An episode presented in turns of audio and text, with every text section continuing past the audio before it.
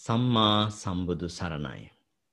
ශ්‍රී බුද්ධ වර්ෂ දෙදහස් පන්සිය හැට හතරක් වූ නිකිනි මස අව දොළොස්වක නම් තිතිලත් ශනිදින හෙවත් ව්‍යවහාරික වර්ෂ දෙදහස් විස්සක් වූ අගෝස්තු මස පාලොස් වන සෙනසුරාදා ශ්‍රී ලංකාවේ වේලාවෙන් පස්වරු හත උදා වූ මේ මොහොතේදී ලෝකය පුරා විසිරී සිටින ඔබ අප සෑම සියලු දෙනාම සූම් යෙදවුම ඔස්සේ අන්තර්ජාලය හරහා සජීවීව මේ සම්බන්ධ වී සිටිනුයේ පෞරාණික තේරවාදය ත්‍රීපිටක අධ්‍යන වැඩසටහනෙහි අභිධර්මය පාලොස් වැනි පාඩම සමගයි. සත්පුරුෂ හිතවතුනි පෞරාණික තේරවාදය ත්‍රිපිටක අධ්‍යන වැඩසටහනෙහි පාලොස් වන අභිධර්ම හා පාලි භාෂා පුහුණුවට සම්බන්ධ වන ඔබ අප සෑම සියලු දෙනාම පසුගිය අභිධර්ම පාඩම් 14 පුරාවට කාමාවචර සිත් සිව් පනස පිළිබඳව අංග සම්පූර්ණයෙන්ම ඉගෙන ගන්නට යෙදුණා. ඒ පාඩම් මාලාවේදී සෑම කෙනෙක්ගේම අවධානය දීච්ච විශේෂ කරුණක් තමයි මේ මේ ත්‍රිහේතුක කුසල් ද්විහේතුක කුසල් පිළිබඳව. ත්‍රිහේතුක ප්‍රතිසන්දිය ද්විහේතුක ප්‍රතිසන්දිය පිළිබඳව. ඉතින් ඒ වගේම හැම කෙනෙක්ටම හිතේ ප්‍රශ්නයක් නැගිලා තිබුණා කොහොමද මම බලාගන්නේ මං මේ ලැබිච් මට මේ ලැබිච්ච ජීවිතය ත්‍රිහේතුක කුසලයක විපාකයක් වශයෙන් ලැබිච්ච උප්පත්තියක්ද කියලා හොයාගන්න කියලා. ඉතින් අද දවසේ පාඩමේ තියෙන විශේෂත්වය තමයි තමන්ටම එය පරීක්ෂා කරගන්න ආකාරය වගේම විශේෂයෙන් බොහෝ දෙනෙක්ගේ විමසීමට ලක් වෙලා තියෙන මේ රූපාවචර ධ්‍යාන සියල්ල උපදවා ගන්න කොහොමද කියන කාරණය පිළිබඳවත්. ඒ සඳහා අනුපිළිවෙලින් අනුගමනය කළ යුතු පියවර මොනවද කියන එක පිළිබඳවත් ඉගෙන ගන්නට අද දවසේ මේ 15 වෙනි අභිධර්ම පාඩම තුලින් අවස්ථාව ලැබෙනවා. ඉතින් ඒ නිසා මම හිතනවා මේ පාඩම හැම කෙනෙක්ටම ඉතාමත්ම වැදගත් බොහෝමත්ම ඕනෑකමින් බොහොම අවධානයෙන් ඉගෙන ගත යුතු වැදගත්ම අත නොහැරිය යුතුම පාඩමක් කියලා. හොඳයි. අද දිනේ මේ උතුම් වැඩසටහනට මාර්ගෝපදේශකත්වය සපයන අපගේ ගෞරවනීය ආචාර්යයන් වහන්සේ මහනුවර අම්පිටිය උඩගම චිත්ත විවේකාශ්‍රමාධිපති නම කියන්නට අවසරයි පූජනීය විනයාචාර්ය ගලේවෙල ඥාන දස්සන ස්වාමීන්ද්‍රයාණන් වහන්සේයි. අපගේ ගෞරවනීය ආරාධනය කාරුණිකව පිළිගෙන ගම්බීර වූ අභිධර්මාර්ථයෝ අපට වටහාගත හැකි අයුරෙන් විස්තර කර දෙමින්. ඒ පරම ගම්බීර වූ ශ්‍රී සද්ධර්මය ජීවිතවල සැනසීම පිණිසම අපට අවබෝධ කරවීමේලා කැපවන්නා වූ අපගේ ගුරුදේවෝත්තම ගෞරවනීය ස්වාමීන්ද්‍රයාණන් වහන්සේව පාදාභිවන්දනීයව මේ උතුම් වැඩසටහනට පිළිගන්නට සියලු දෙනාම මාත් සමගම එක්ව ගාථා කියමින් ගෞරවනීය ස්වාමින් වහන්සේට වන්දනා කරමු. අවසරයි ස්වාමීනි. ඕකාස වන්දාමි බන්තේ ඕකාස ద్వාරත්තයේන කතං සබ්බං අච්චයං කමත මේ බන්තේ සාධූකාස කමාමි බන්තේ. සුකී හෝතු නිබ්බාන පච්චය හෝතු. ගෞරවනීය ස්වාමීන් වහන්ස අද දවසේත් මේ පාලොස්වනි අභිධර්ම පාඩම තුළින් මේ වටිනා ගම්බිහිර දුර්ලභ ධර්මය ඉගෙන කියාගන්න සැදී පැහැදී සූදානම් වෙච්ච සත්පුරුෂ හිතවතුන් රාශියක් අපිත් එක්ක එකතු වෙලා සිටිනවා. ලෝකේ රටවල් ගණනාවක් හරහා සම්බන්ධ වෙලා ඒ නිසාවෙන් අපි වෙත කනුකම්පාවෙන් මේ 15 වෙනි අභිධර්ම පාඩම ආරම්භ කරන්න කියලා ඔබ වහන්සේට පාදාභිවන්දනීයව පාද නමස්කාර පූර්වකව ආරාධනා කර සිටිනවා. අවසරයි ස්වාමීනි. හොඳයි අපි කවුරුත් නමස්කාර පාඨය කියමු. නමෝ තස්ස භගවතෝ අරහතෝ සම්මා සම්බුද්දස්ස නමෝ තස්ස භගවතෝ අරහතෝ සම්මා සම්බුද්දස්ස නමෝ තස්ස භගවතු වරහතෝ සම්මා සම්බුද්ධස්ස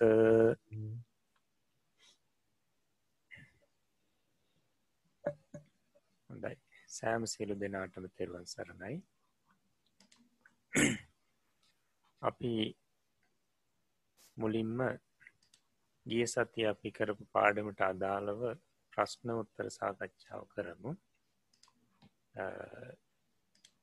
ගිය සති අපි දහතුන්වෙනි අභිධරම් පාඩම කරේඉතින් ඊට අදාළ ප්‍රශ්න තියෙන පහක් ලියපු උත්තර කවුරුත් ළඟට ගණ්ඩ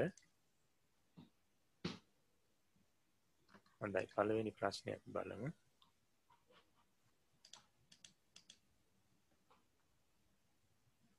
පලවෙනි ප්‍රශ්නය සහේතුක කාමාවචර විපාකය අටවැදෑරුම් වන්නේ කෙසේද? පිළිතුර බලමු. සහේතුක කාමාවචර විපාකය වේදනා ඥාන සංස්කාරයන් අනුව අටවැදෑරුම් වේ. එවිදිට ලියල තියෙනවනම් හරියත්තා ගන්න හොඳ ඊළඟට දෙවැනි ප්‍රශ්නය. කාමාවච්චර කුසලයෙන් ඇති කරන්නේ සහේතුක කාමාවචර විපාකට පමණක්ද? පිළිතුර නැත. කාමාවච්චර කුසලයෙන් සහේතුක අහේතුක කාමාවචර විපාක දෙවර්ගේම ඇති කරයි. කාමාවචර කුසලයෙන් සහේතුක අහේතුක කාමාවචර විපාක දෙවර්ගේම ඇති කරයි. දයිළඟට තුන්ගනි ප්‍රශ්නය. කාමාවච්චර කුසලයෙන් ඇති කරන විපාක සම්පූර්ණයෙන් කොතෙක්ද? පිළිතුර බලන්ඩ කාමාවච්චර කුසලයෙන් නැති කරන සම්පූර්ණ විපාක ගණන සොලොසක් වේ. එකැනි දාසයක් කියන එකයි. විපාක දාසයක් ඇති කරනවා. හොඳයි. ඊළඟට අපි බලමු හතරවෙනි ප්‍රශ්නය. සහේතුක කාමාවචර ක්‍රියාවලත් කාමාවචර කුසලේත් වෙනස කවරේද? පිළිතුර බලමු. සහේතුක කාමාවචර ක්‍රියාසිත් රහතන් වහන්සේලාගේ සන්තානයේ පහළවන අතර ඒවාට මතු විපාක ඉපදීමේ ශක්තියක් නැත. කාමාවචර කුසල් සිත් සෙසු පුද්ගලයන්ට පහළ වන අතර ඒවා මතු විපාක උපදවයි. ක්‍රමයෙන් හෝ ඊට ආසන්න ක්‍රමයකින් ලියල තියෙනවන හරියක් දාගන්න.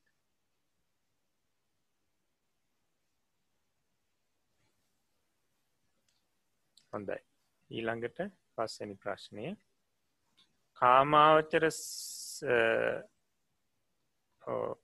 කාමාවචර සිත් කාමාවචර සිත් සිව් පනස වේදනා බෙහෙදීන් බෙදනු. එන්දෝනි එතන පොඩි අඩුපාඩුවත් තියෙනවා කාමාවචර සිත් සිව් පනස වේදනා බෙහෙදීන් බෙදනු එක්‍රමේට එන්දෝනි හොඳයි අපි බලමු පිළිතුර සෝමනස්ස සහගත සිත් දහටයි ඉළඟට උපේක්ෂා සහගත සිත් තිස් දෙකයි. දෝමනස සහගත සිත් දෙකයි. සුක සහගත සිත් එකයි. දුක්ක සහගත සිත් එකයි. එතකොට වේදනා බෙහෙදෙන් බෙදීම. තොට අසංකාරික සසංස්කාරික සිත් මෙතෙන්ට ගැනෙන්නේ නැහැ මේ වේදනා බෙහෙදයට කට සෝමනස්ස උපේක්ෂා දෝමනස්ස සුක දුක්ක මේ තමයි වේදනාව ප්‍රබේද හොඳයි. ඔය ක්‍රමෙන් ලියල තියෙනවා නම් හරියක් දාගන්න.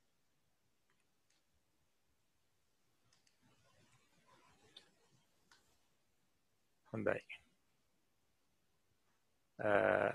එහෙමනම් අපි අද දැන් අපි එතෙක් කතා කරා පාඩන් වලදි මේ කාමාවචර සිත් පනස් හතර සම්බන්ධය එද බෙදා පිගෙන ගත්තා පිරිසිදු දැනුමක් ලබා ගත්තා. එතකොට අදාපිට තියෙන්නේ මේ රූපාවචර සිත් සම්බන්ධයෙන් ඉගෙන ගන්න.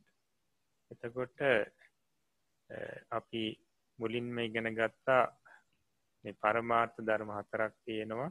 චිත්ත චෛසික රූප නිර්වාණ කියලා. ඒ හතර අතරින් එකක් තමයි චිත්තය කියලා කියන්නේ. සිතේත් ප්‍රබේද තියෙන බව අපි පැහැදිලි කරා. අපිට අද පුළුවන් දැනගණ්ඩ මේ රූපාවචර සිත් කියලා කියන්නේ සාමාන්‍ය මේ සිත් අසු නමින් හෝ එකසිය විසි එක ක්‍රමයෙන් ගන්නකොට කොයි තැන තියෙන සිද්ධ කියන එක රූප සටහනකින් දැනගන්න. හොඳ අපි බලමු. චිත්තය සිත. තකොට මුලි මූලිකවම් බෙදෙනවා කොටස් හතරකට.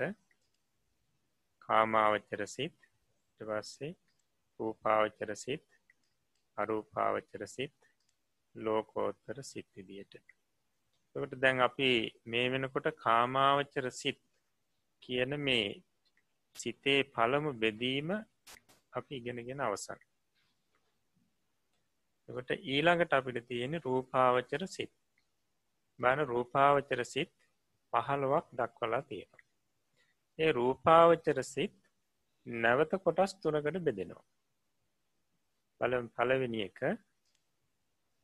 රූපාවචර කුසල් සිත්.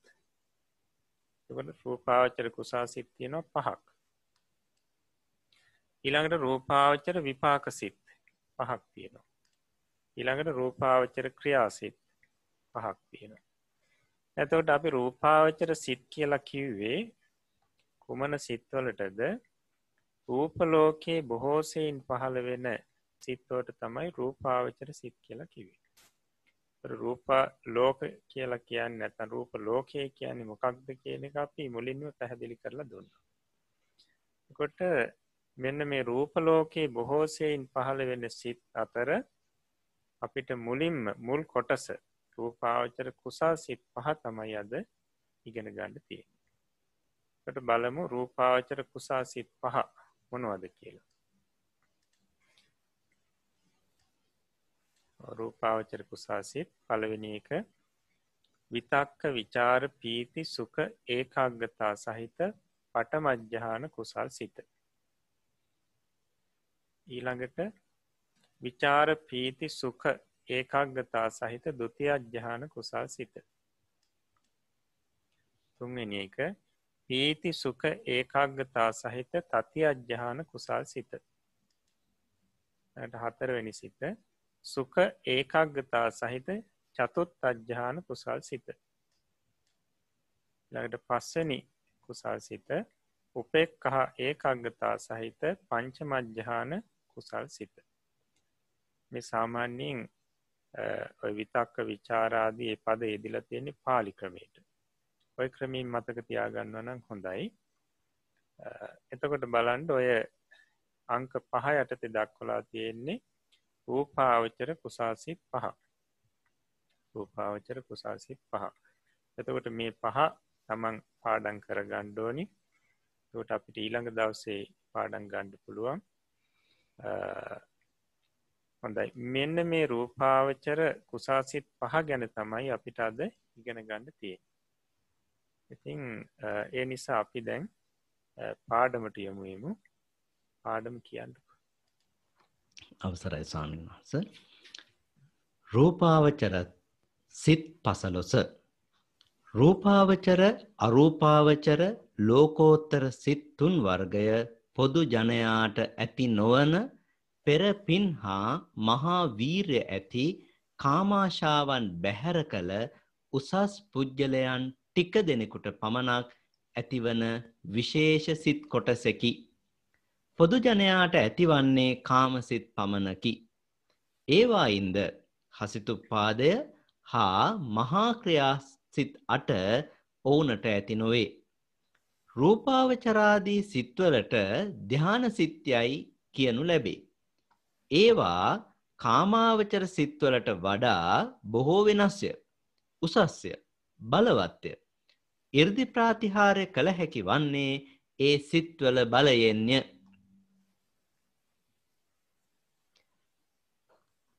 රූපාවචර චිත්තය කුසල විපාක ක්‍රියා වශයෙන් තුන් කොටසකට බෙදේ. ඒ එක් එක් කොටසක් නැවත ධ්‍යානයන්ගේ වශයෙන් පසට පසට බෙදේ. එසේ වීමෙන් රූපාවචර සිත් පසොලොසක් වේ. කාමාවචර සිත්වලට ශක්තිය ඇත්තේ අරමුණ යන්තමට ගැනීමටය අරමුණ හොඳින් ගත හැකි හෙවත් දත හැකි ශක්තිය ඇත්තේ ධ්‍යාන සිත්වලටය ධ්‍යාන සිත් තමන් විසින් ගන්නා කසිනාදී ආරම්මණය බදාගන්නාක් මෙන් ඊතා හොඳින්ද තදින්ද ගන්නේය. ධ්‍යාන සිතට එසේ කළ හැකි වන්නේ ධ්‍යානයේ බලයෙනි. ප්‍රථම ධ්‍යානය ද්විතීය ධ්‍යානය තෘතීය ධ්‍යානය චතුර්ථ ධ්‍යානය පංචම ධ්‍යානය කියා ධ්‍යාන පසක් ඇත්තේය. ඒවා චෛතසික ධර්ම සමූහයෝය. ප්‍රධාන ධ්‍යානාංගය බලවත් වූ ඒකාග්‍රතාවය පොදු ජනයාගේ සිතෙහිද දුබල ඒකාග්‍රතාවයක් ඇත්තේය. එය එක අරමුණක සිත බොහෝ වේලාවක් පැවැත්වීමට සමත් නොවේ. ධ්‍යාන ඒකාග්‍රතාව වනාහි බොහෝ වේලාවක් එක අරමුණක සිත පැවැත්වීමට සමත් වේ. ධ්‍යානලාභීන්ට පැය ගණනක් වුවද දවස මුළුල්ලෙහිම වුවද තමන්ගේ සිත එක අරමුණේම පැවැත්විය හැකිය. ඒකාග්‍රතාවට හෙවත් සමාධියට විතර්කය විචාරය ප්‍රීතිය සුකය උපේක්ෂාවයයි උපකාරක ධර්ම පසක් ඇත්තේය.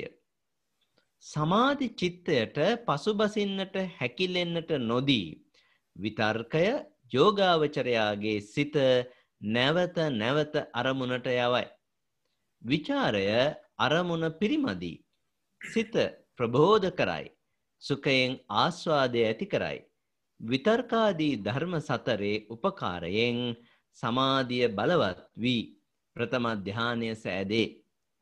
අන්‍යෝන්‍ය සම්බන්ධයෙන් යුක්ත වන විතර්ක විචාර ප්‍රීති සුක ඒකාග්‍රතා යන ධර්ම පස ප්‍රථම ධ්‍යානයය ප්‍රථම ධ්‍යානය ලැබූ තැනැත්තා ඉදිරියටද භාවනාවේ යෙදෙන කල්හි විතර්කයෙන් තොරව පැවැත්විය හැකි තත්ත්වයට සමාධිය දියුණුවේ. එකල්හි ඔහුට විචාර ප්‍රීති සුක ඒකාග්‍රතා යන චතුරංගයෙන් යුක්ත ද්විතීය ධානය පහළ වේ. යෝගාවචරයා නැවත භාවනා කරන කල්හි ක්‍රමයෙන් සමාධිය දියුණු වී ප්‍රීති සුඛ ඒකාග්‍රතා යන අංග තුනෙන් යුක්ත වන තෘතීය ධානයද සුඛ ඒකාග්‍රතා යන අංග දෙකින් යුක්ත වන චතුර්ථ ධානයද උපේක්ෂා ඒකාග්‍රතා යන අංග දෙකින් යුක්ත වන පංචම ධානයද ඇතිවේ. ධානයෙන් යුක්ත වන සිත්වලට ධාන සිත්‍යයි කියනු ලැබේ. රූපාවචර කුසල් සිත් පස විතර්ක විචාර ප්‍රීති සුඛ ඒකාග්‍රතා සහිත ප්‍රථම ධ්‍යාන සිතය. විචාර ප්‍රීති සුඛ ඒකාග්‍රතා සහිත ද්විතීය ධ්‍යාන සිතය. ප්‍රීති සුඛ ඒකාග්‍රතා සහිත තෘතීය ධ්‍යාන සිතය. සුඛ ඒකාග්‍රතා සහිත චතුර්ථ ධ්‍යාන සිතය. උපේක්ෂා ඒකාග්‍රතා සහිත පංචම ධ්‍යාන සිතය ඊ රූපාවචර කුසල් සිත් පසක් වේ. හොඳයි.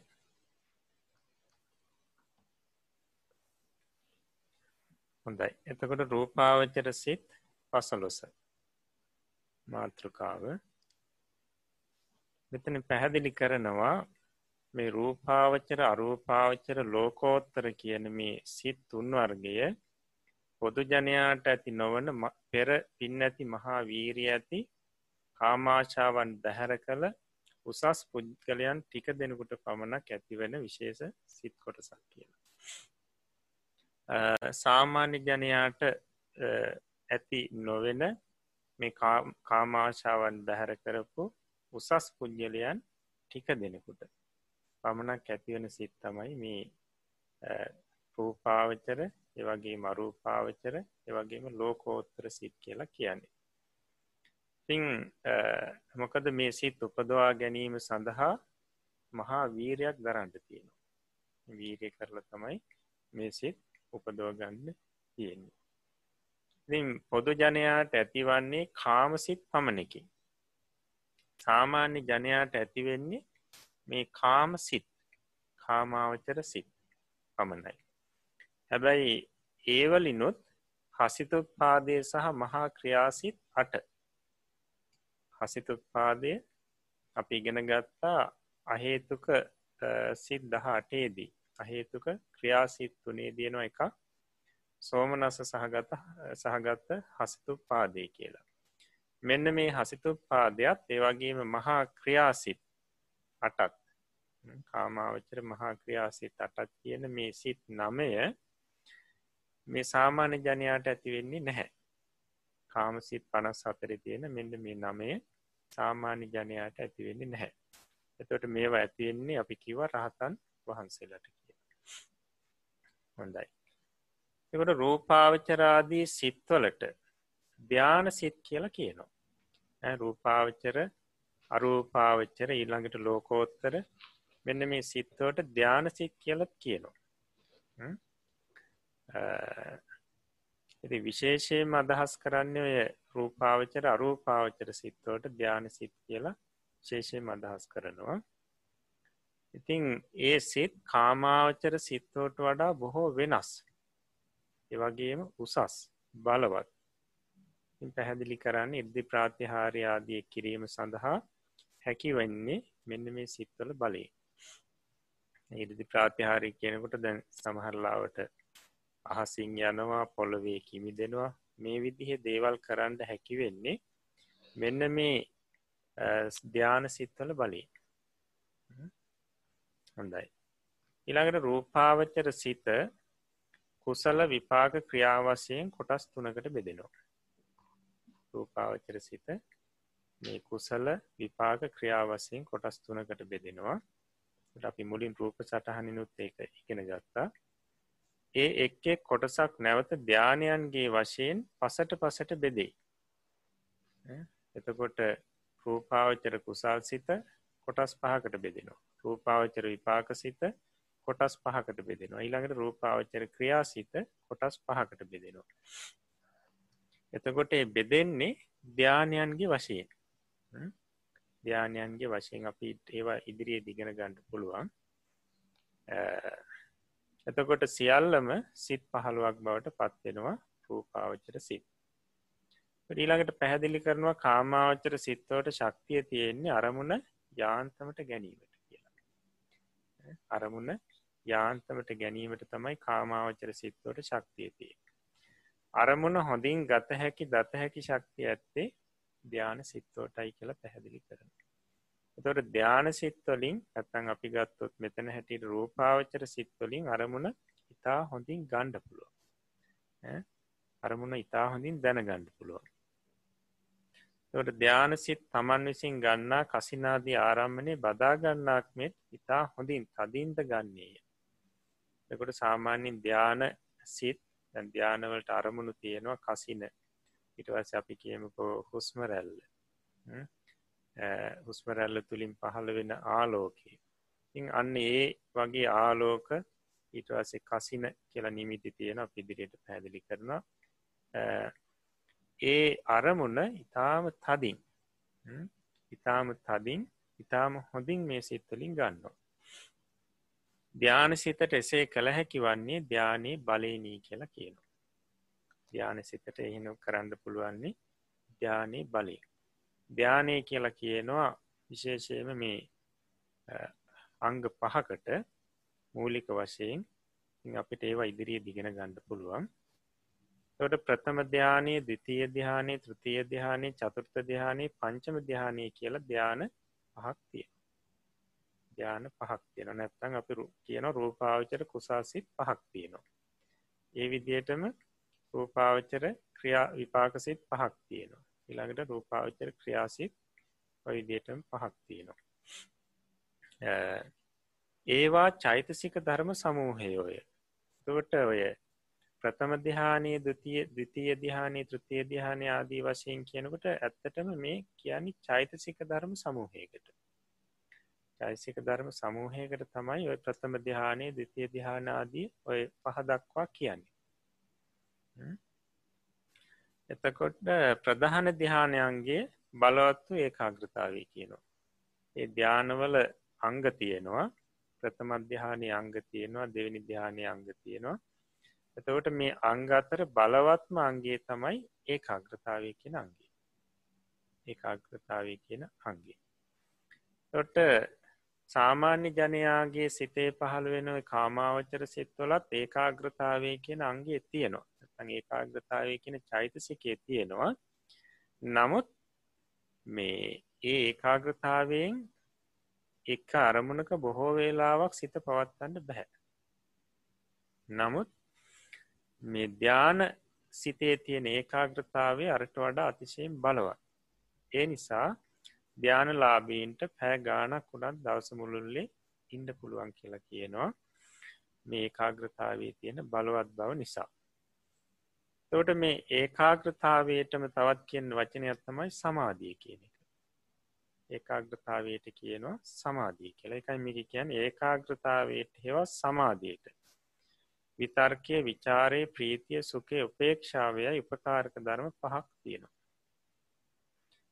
ඒකාග්‍රතාවය අපි කියල පැහැදිලි කරා සමාධියයට විශේෂයෙන්ම ධ්‍යානයක තියෙන බලවත්ම නැත්නම් ප්‍රධාන අන්ගේ ඒ අන්ගේට උපකාරක ධර්ම තියෙනවා. ඉතක්ක විචාර ප්‍රීතිය ට සුකේ උපේක්ෂාව කියලා පහක්.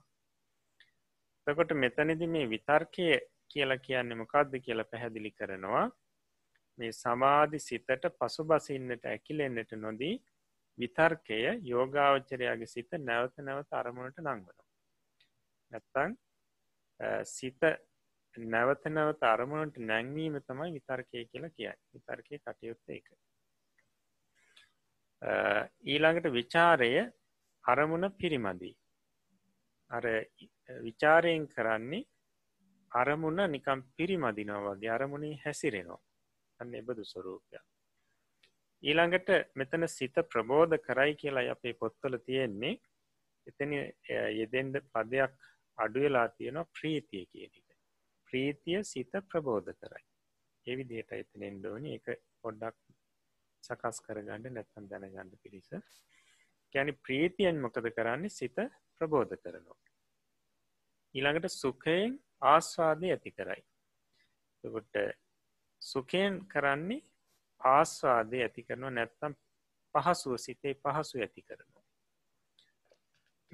ඊළඟට පැහැදිලි කරනවා විතර්කාදී ධර්ම සතරය උපකාරයෙන් සමාධිය බලවත් වී නැත්තං ඒකාග්‍රතාවේ බලවත් වෙලා ප්‍රථම දිහානේ හැදෙනවා. අර විතර්කාදී ධර්ම හතරේ උපකාරින් සමාධිය බලවත් වෙලා එනත් ඒකාග්‍රතාවේ බලවත් වෙලා ඔන්න ප්‍රථම දෙහානය කියන ස්වරූපය හැදෙනවා. එතකොට ඒ ප්‍රථම ධ්‍යානයෙන් යුක්ත සිතට අපි කියනවා ප්‍රථම ධ්‍යාන සිත නැත්තං රූපාවචර පළවෙනි සිත. අන්‍යෝන්‍ය සම්බන්ධයෙන් යුක්ත වන විතර්ක විචාර ප්‍රීති සුක ඒකාග්‍රතා යන ධර්ම පස ප්‍රථම ධ්‍යානයය කොට මේක පැහැදිලි කරන්නේ ප්‍රථම ධ්‍යානය කියන්නේ මොකක්ද කියන එක. ප්‍රථම ධ්‍යානී කියලා කියන්නේ අන්‍යෝන්‍ය සම්බන්ධය යුක්ත වන විතක්ක විචාර පීති සුක ඒකාග්‍රතා කියන ධර්ම පහට. එතකොට උපේක්ෂාව කියන ධර්මය තාම යෙදෙන්න හැ පසු සිතකයක යෙදෙන්නේ. නිසයි මෙතන පැහැදිලි කරලා නැත්තේ. ඉතිං ඊළඟට ප්‍රථම දෙහානය ලබපු කෙන ඉදිරියටත් භාවනා කරනකොට විතර්කයේ නැතුව එක අංගයක් නැතුව සිත පැවැත්තිය හැකි තත්වයට සමාධී දියුණු වෙනවා. අන්න එතකොට ඔහුට විචාර ප්‍රීතිසු ඒකාග්‍රතා කියන අංග හතරෙන් යුක්ත දෙවනි දිහානී පහළ වෙනවා. ඊට පස්සේ නැවතත් භාවනා කරනකොට ක්‍රමයෙන් සමාධී දියුණු වෙලා ප්‍රීතිසුක ඒකාග්‍රතා කියන අංග තුනේ යුක්ත වන තෘතිය දිහානයක් පහළ වෙනවා කියල පැහැදිලි කරනවා ඊළඟට සුකේ කාග්‍රතා කියන අංග දෙකෙන් යුක්තව චතුර්ථ දිහානය පහළ වෙනවා ඊළඟට උපේක්ෂා ඒකාග්‍රතා කියන අංග දෙකින් යුක්ත වන පංචම ධ්‍යානය ඇතිවෙනවා. තොට ධ්‍යානයෙන් යුක්ත වන සිත්වට ධ්‍යාන සිත්තිය කියලා කියනවා. ධ්‍යාන සිත්තිය කියලා කියනවා. ද රූපාවචර කුසා සිත් පහ දක්වනවා මෙතන අර විතර්ක විචාර ප්‍රීති සුක ඒකාග්‍රතා මේ තියනට සාමාන්‍ය සිංහල ක්‍රමයෙන් අපි මුලින් අර ඉගෙන ගත්ත රූප සටහනින් පස්සේ ඒ පාලි ක්‍රමයට මේ විතර්ක විචාර කියනෙ මේවා ශබ්ද කරන හැටි. තකොට පලවෙනි එක මෙතන දක්වුණා විතර්ක විචාර ප්‍රීති සුක ඒකාග්‍රතා සහිත ප්‍රථම දිහාන සිත. ට විචාර ප්‍රීති සුක ඒකාග්‍රතා සහිත දෙතිය දිහාන සිත. ට ප්‍රීති සුක ඒකාග්‍රතා සහිත තෘතිය දිහාන සිත. සුක ඒකාග්‍රතා සහිත චතුර්ථ ධ්‍යාන සිත. උපේක්ෂා ඒකාග්‍රතා සහිත පංචම ධ්‍යාන සිත කියල රූපාවචර කුසාසි පහක් තියෙනවා. හොඳයි. දැම් මේ පාඩම අපි මේ පොතේ තියෙන ක්‍රමේටම අපි පැහැදිලි කරගෙන ගිය. ඉතිං මුලින් අභිධර්මය ඉගෙන ගත්තු පිරිසට යම් ප්‍රමාණයකට මේක පැහැදිලිවෙන්ට ඇති. නමුත් බොහෝ දෙනකොට මේ කියපු ක්‍රමයෙන් මේ සිත් පැහැදිලි වෙන්නේ නැහැ. එක තමයි සත්‍යතාවේ. ඒ නිසා අපි සාමාන්‍යයෙන් මේ රූපාවචර සිතක් උපදෝගන්නේ කොහොමද? උපදවාගන්න උපදවාගන්න පිළිවෙල කොහොමද කියලා අපි උදාහරණයක් අරගෙන පැහැදිලි කරනවා. මොකද හේතුව මේ කාමාවචර සිත්නං අපිට පහළ වෙනවා එක සාමාන්‍යයෙන් දැනෙනවා. කියන කාමාවචර සිතක තියෙන ස්වරූපය අපිට තේරෙනවා ගොඩක්තුරට අප අකුසා සිතක් පහළ වෙනකොට කුසා සිතක් පහළ වෙනකොට අපිට මේක දැනෙනවා. හැබැයි මේ රූපාවචර සිත් පහළ වෙන්නේ කිව්වා මේ පොදුජනයට නෙවෙයි. මේ වීරිය ඇති කාමාශාවන් බැහැර කරපු මේ උතුමන් වහන්සේලාට. සුළු පිරිසකටයි මේව පහළවෙන් එනිසා අපිට මේවල ස්වරූපය දැනගන්න බොහොම අමාරුයි. ධ්‍යානයක් ඇත්තම් මේ විදියට සිත වඩාගත්තු කෙනෙකුට තමයි ඒ සිතේ ස්වරූපය තේරෙන ඒ නිසා අපි ධර්මය පැහැදිලි කරලා තියෙන පරිද්දෙන් මේ රූපාවචර පළවෙනි සිත මුලින්ම උපදවාගන්න ආකාරය පැහැදිලි කරලා දෙන්න අපි අද බලාපොරොත්තු වෙනවා. එකොට තමන්ට ඒ ස්වරූපය ඒ ක්‍රමයෙන් මේක දැනගණ්ඩ පුළුවන්. විශේෂයෙන් අපි ධර්මය තියෙන පාට අරගෙනම පැහැදිලි කරලා දෙන්න බලාපොරොත්තු වෙන්නේ. තොට තමන්ටත් මේ සම්බන්ධයෙන් යම් විශ්වාසයක් ඇති වෙනවා. එනිසා පාලි පාට ඔස්සේදී ඔස්සේම අපි අද පිරිසට මේක පැහැදිලි කරලා දෙන්න බලාපොරොත්තු වෙනවා. සාමාන්‍යයෙන් අපේ ශාසනයේ භාවනා දෙකක් තියෙනවා. එකක් තමයි සමත භාවනාව අනික තමයි විදර්ශනා භාවනාව. ට සමත භාවනාවෙන් කරන්නේ සමාධිය දියුණු කර ගැනීම සමාධිය උපදවා ගැනීම. යට විදර්ශනා භාවනාවෙන් කෙරෙන්නේ ධ්‍යාන මාර්ග මේ මාර්ගඵල නිවන් අවබෝධ කර ගැනීම නැත්තම් මාර්ගඥාන පලච්ඥානාදී උපදවා ගැනීම. සමත භාවනාවෙන් කෙරෙන්නේ සමාධිය ඇති කර ගැනීම. එතකොට සමාධිය එක එක මට්ටන් තියෙන උපචාර සමාධී අර්පනා සමාධී ඔය විදිහට. ඊළඟට විදර්ශනා භාවනාවෙන් කෙරෙන්නේ මේ මාර්ග පල උපදවා ගැනීම. එකොට මේ සමත භාවනා නැත්තන් සමාධිය උපදවා ගැනීමට කරන භාවනා හතලිහක් බුදුරජාණන් වහන්සේ දක්වලා තියෙන. තොට ඒවට සම සතලිස් කර්මස්ථාන භාවනා කියලා කියනවා. එතකොට මේ භාවනා කර්මී අපි මේකට කියන යෝග කර්මී කියලා. තොට මේ භාවනාවට අරමුණු අරමුණු හතලිහක් අරමුණු හතලියක් බුදුරජාණන් වහන්සේ පැහැදිලි කරලා තියෙනවා. එතකොට ඒ හතලියට තමයි විශේෂයම කියන්න ඔය සම සතලිස් කර්මස්ථාන කිය. ඒ භාවනාවට ගන්න අරමුණුවලට කියන නමත් තමයි කර්මස්ථාන කියන නම. කර්මයට ස්ථාන යෝග කර්මයට ස්ථාන වන අරමුණුවලට කියනවා කර්මස්ථාන කියලා. ට ඒවිදිහේ කර්මස්ථාන හතලිහක් තියෙනවා. සමත භාවනාවට නැත්වන් සමාධ්‍ය උපදවා ගැනීම සඳහා නැත්තම් මේ රූපාවචර සිත් උපදවා ගැනීම සඳහා උපකාරවන අරමුණු. එවට මෙන්න මේ අරමුණු අතර අපි ගත්තොත් හුස්මරැල්ල කියල කියන්නේ එක කර්මස්ථානය. එනත්තම් බුදුගුණ කියලකයන් එක කර්මස්ථානය නැත්තං ශරීරයේ කේසාදී කොට්ටාශ මේවා එක කර්මස්ථානය මේ විදියට කර්මස්ථාන හතලියක් පැහැදිලි කරනවා. ඇතකොට මේ හතලිය අතුරින් සමහර කර්මස්ථානවලින් මේ රූපාවචර සිත් උපදවන්න බැහැ. ඊට මෙපිට සමාධී ඇති කරගන්න පුළුවන්. අපි එකට කියෙන උපචාර සමාධී කියලා. ඒ දක්වා අපිට සිත දියුණු කරගන්න පුළුවන් සමහර කර්මස්ථාන වලින්. සමහර කර්මස්ථාන වලින් ඔය පළවෙනි රූපාවචර සිත උපදෝ ගන්න පුළුව.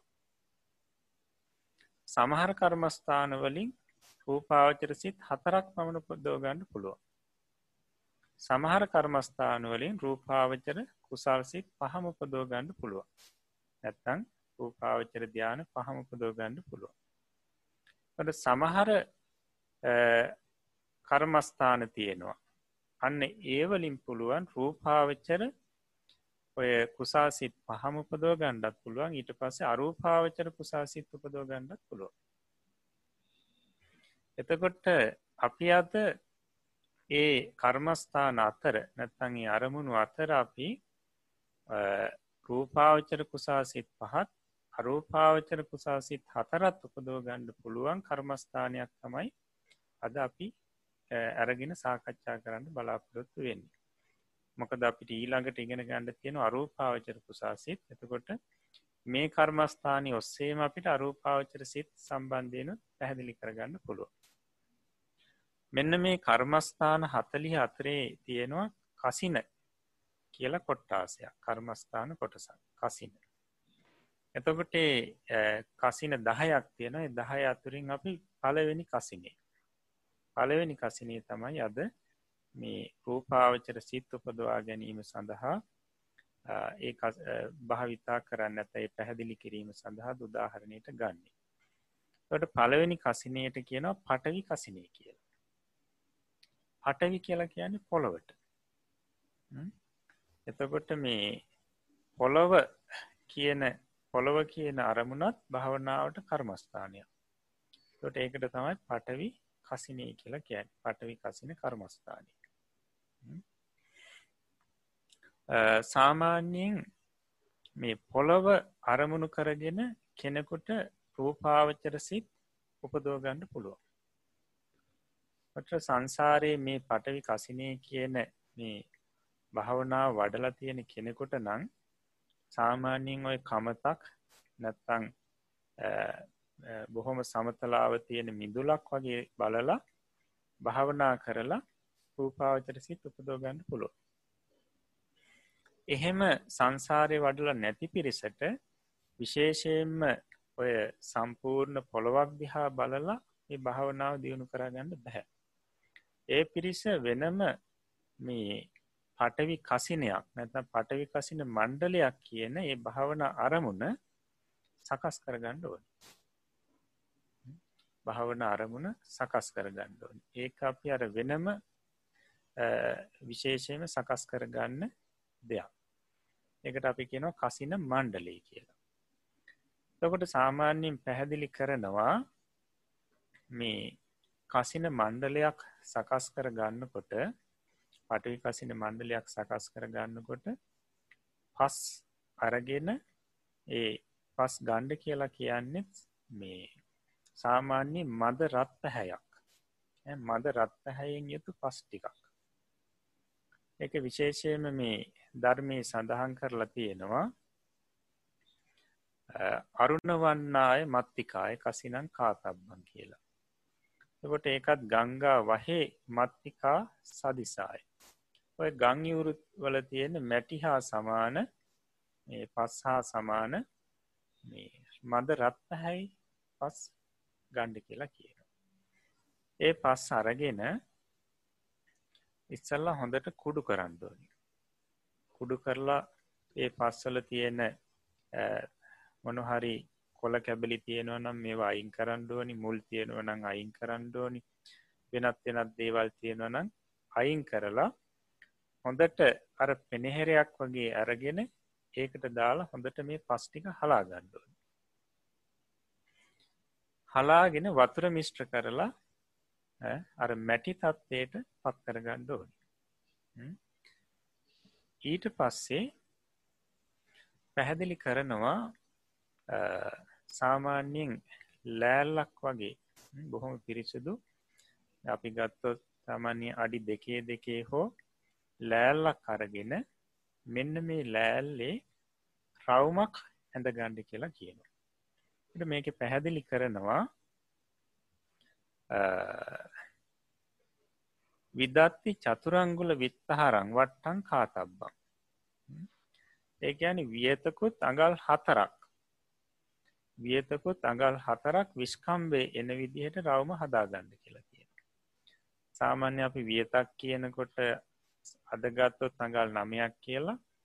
ඊට පස්සේ තවත් අඟල් හතරක් අපි එකතු කරනවා. එතකොට අඟල් දහතුනක් විතර. එතකොට අඟල් දහ තුනක් විතර විශ්කම්බේ තියෙන රවම. අන්නර ලෑල්ලි. එහෙම නැත්තං අපි රෙදි කෑල්ලක් කරගෙන පිරිසිදු අඩි දෙකේ දෙකේ වගේ රෙදි කෑල්ලක් කරගෙන ඒ රෙදි කෑල්ලි රවමක් ඇඳ ගන්නවා අඟල් දහත්තුනක පමණ විශ්කම්බේ එකට වඩාත්ම සුදුසු මේ ලෑල්ලක්. පිරිසිදු ලෑල්ල ඊට පස්සේ අන්න අර මැටි ටික වතුර මිස්ට්‍ර කරලා මැටි විදියට හදාගත්තු මෙන්න මේ ටික අරගෙන අර රවමි පුරෝනෝ රවමට දාන්න සාමාන්‍ය අඟලක් විතර ඉස්සෙන්ද අඟරක් විතර ඉස්සෙන ප්‍රමාණයට අර රවමේ ගානට මේ මැටි ටික පුරෝගන්න එතනදි පැහැදිලි කරනවා නීල පීත ලෝහිත ඕදාත සම්බේද වසයනෙහි චත්තාරෝ පටවි කසින දෝසා. ඒ කියන්නේ පස් නිල් පැහැය නිල් පැහැය වෙන්ඩ බැහැ. නැත නිල් පැහැය පස් මිස්ට්‍ර වෙන්ඩ බැහැ. ඊට පස්සේ කහ පැහැ පස් මිස්ට්‍ර වෙන්ඩත් බැහැ. ඊට පස්සේ රතු පාටට පුරු තියෙනවනම් තදරතු එහෙමත් බැහැ. ඊට පස්සේ සුදු පාට. ඒ විදිහ පස් මිස්ට්‍ර වෙන්ඩත් බැහැ. එතකොට මද රත් පැහැයි පස් වෙන්නට ඕනි. එතකොට අර රවමට දාලා මේ අඟලක් විතර උස්වෙන්ඩ මේ පස් මේ මැටි ටික දාලා සකස් කරගන්න. එතවට දැන් අපි ඒවට එහෙම දැම්මට පස්සේ මතු පිට අපිට දකිින්ට ලැබෙන ඇගිලි පාරවල් හිටලතිය ඊට පස්සේ වල ගොඩලි තියෙන ඉතින් එහෙම තිබුණොත් මේ කසින භාවනාවට එක බාධාවක් කියලා කියන එක නියම කසින මණ්ඩලයක් නෙවේ පැහැදිලි කරනවා මොකක් හෝ දැන් අපිට පුළුවන් බෝතලයක් වගේ පැහැදිලි කරන බෝතලයක් වගේ අරගෙන ඒ අර හරස් අතට තියලා හොඳට මේ එහා මෙහා කරනවා මේ බෝතලි. නැත්තන් අර රෝල් කරන මේකුඩ එතකොට අර මතු පිට බොහොම මේ මට සිලුටයනවා එක පැහැදිලි කරන්නේ හරිෙක්ට බෙරක බෙර එක මතු පිටක්. නැත්තං අපි කියන බෙර ඇසක් කියලා. බෙර ඇසක් වගේ හොඳට සමෝ තියෙන්දෝනි කියනවා මේ කසින මණ්ඩලි එතකොට දැන් අප අර කසින මණ්ඩලී කියලා කියන්නේ අන්නර පස් පුරෝලා මේ සකස් කරගත්ත එක. මේ රවුම. ඉස්කම්බේ අඟල් දහතුනක් පමණ වෙන මෙන්න මේ රවමට තමයි කසින මණ්ඩලේ කියලා කිය තොට දැන් මේ විදියට හදාගත්තට පස්සේ අර කොල කෑලිමකුත් නැහැ මතු පිට. බොහොම පිරිසිදුයි. ඒවගේම ගල් නැහැ. හරියට බෙර ඇසක් වගේ සමෝ තියෙන්ඩුවන් සමෝ තියෙන්ඩුවන් එතකොට දැන් අපි අර ලෑල්ලක් උඩනේ රවමක් ඇඳල මේ පස්ටික මැටිටික පුරෝගත්තේ එතකොට ලෑල්ලෙන් වෙන් වෙලා මේ කසින මණ්ඩලි අපිට හොඳට පේන්ඩොනිය හැට. එහෙමනම් අර මේ කසින මණ්ඩලේ පාටට විරුද්ධ පාටක් මේ ලෑල්ලි තියෙන්ඩුවන් එතකොට තමයි මේ කසින මණ්ඩලේ හොඳට අපිට ප්‍රකටෝ පේන්නේ. ඉ ඒ නිසා අපිට මේ සාමාන්‍යයෙන් හිතට ගණ්ඩ කසින මණ්ඩලයක ස්වරූපය කොහොමද කියලා අපිට පිරිසට දක්වන්ඩ අප රූප සටහනක් තියෙනවා. එතකොට පිරිසට එක බලනකොටත් යම් අවබෝධයක් හෙයි බලන්ට දැම්ම කළු පාටට තියෙන්නේ ලෑල්ල. එතකොට මැද රවමක් තියෙන මේක තමයි කසින මණ්ඩලේ. ට මේ ඊතලයක් උඩට යටට තියෙනවා රතු පාටින්. මේ විශ්කම්බේ දක්වන්න තියෙන්නේ. ඇතකොට වියත් එකයි අඟල් හතරක්. මේ රවම විශ්කම්බේ එතවට බලන්ට දැම්මේ කසිනේ. කසිනේ දිහා බලනකොටම අර ලෑල්ලෙන් වෙන්නලා අපට හොඳට පේනවා. ලෑල්ලින් වෙන්නලා හොඳට පේනවා. ට මෙන්න මේ විදිහට තමයි සකස් කරගණ්ඩ කියලා කියන්නේ. දැම් මේ මැද තියෙන කසින මණ්ඩලේ සමහල්ලාට මදරත්ත හැම නැතියෙන්ට පුළුවන්. අපි සාමාන්‍ය මේ ස්වරූපය පෙන්න්නට හැඩේ පෙන්න්නට තම අපි මේ විදි රූප සටහනක් දක් කොලා තියෙන්නේ. මේ රූප සටහන ඔස්සේ අපිට යම් අදහසක් මේ සම්බන්ධින් ගණ්ඩ පුළුව එතකොට පැහැදිලි කරනවා මෙන්න මේ ක්‍රමේට ශවුන් හැඩේට අර මැටි ටික පුරවලා මේ මේක මතුපිට බෙරෑසක් හා සමව සමානව බොහෝම පිරිසිදුව මට සිල්ටුව සකස් කරගන්න කියලා පැහැදිලි කරනවා. හොඳයි. එතකොට මේ විදියට සකස් කරගෙන පොළොවේ බිම යම් තැනක තැම්පත් කරන්න කියලා පැහැදිලි කරනවා. සමම් බෙහෙරි තලං සදිසංකත්වා තන් තහනන් සම්මංජිත්වා නහත්වා ආගන්ත්වා කසින මණ්ඩලතු අඩ්ඩතෙය හත්තන්තරේ ප්‍රදේශය පඥ්ඥත්තේ චතුරත් විදත්ති චතුරංගුල පාදගේ ස්වත්තතේ පීටේ නිසීදි තබ්බා ඉතින් මේ කසින මණ්ඩලේ සකස් කරගත්තට පස්සේ හොඳට මතක තියාගන්නර හදාගත්තු රවමට තමයි අර මැටිපුරෝලා හදාගත්තු මේ රවමට තමයි කසින මණ්ඩලේ කියලා කියන්න. මෙන්න මේ කසින මණ්ඩලේ සකස් කරගත්තට පස්සේ පිරිසිදු එතන පිරිසිදු පොළොවක තියලා ඊට පස්සේ පැහැදිලි කරනවා තමන් ඇඟහෙම හෝදාගෙන බොහොම පිරිසිදු වෙලා අර කසින මණ්ඩලේ ළඟට එන්ඩ කියලා. ඉතිං ඇවිල්ලා ඒ කසින මණ්ඩලයේ ඉඳලා ක්‍රියන් දෙක හමාරක් එහැයි ඇතින් ආසනයක් පනුවගණ්ඩ කියනවා තම් පුටුවක් තියාගණ්ඩ කියලා කියන. ඒ පුටුවේ ප්‍රමාණයක් කියනවා උස වෙන්ඩෝනි පුටුවේ සාමාන්‍ය උස කියනවා වියතකුත් අඟල් හතරක් අර විදියට මරපී කසින මණ්ඩලේ විශ්කම්බේ ගත්තා අපි අඟල් දහතුනක් පමණ. අන්න ඒ ප්‍රමාණයම උස පුටුවක ඉඳ ගණ්ඩ කියලා කියන.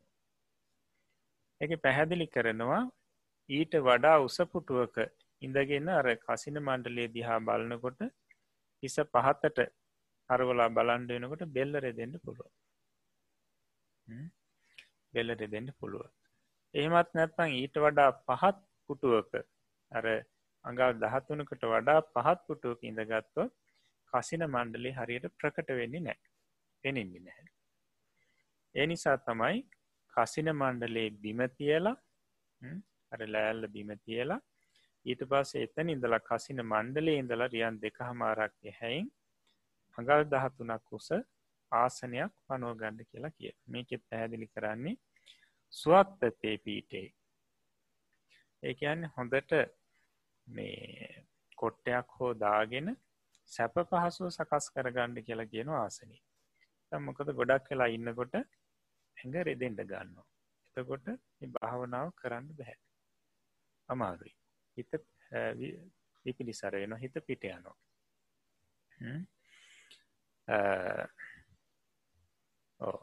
ඊට පස්සේ දැන් ඔන්න කසින මල්ලේ හදාගෙන ශරීරයහෙම හොඳට පිරිසුදු කරගෙන ඒ ප්‍රදේශය හොඳට අතු ගාලා අර කේපු ප්‍රමාණීන් දුරක ආසනයක් පනවාගෙන ඉට පස්සෙ දැම් මේ ආසනය ඉඳගෙන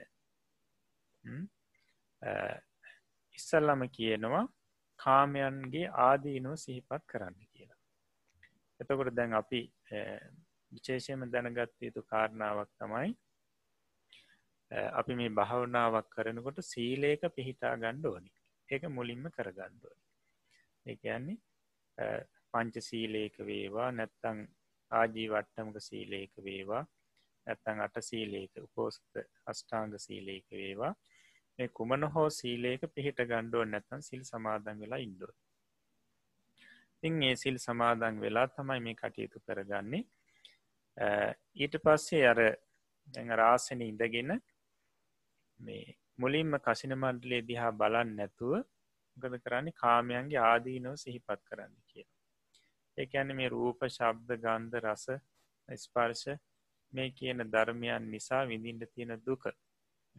මේවට ඇලීම නිසා විඳින්ට තියෙන දුක. ඒවගේම සිතෙත් ප්‍රිය කරන සිතවිලි සිතට එනවා කාම අරමුණු ආදී. තොට ඒවට ඇලීම නිසා ඇත්තියෙන දුක විඳින්ට තියෙන වේදනාව.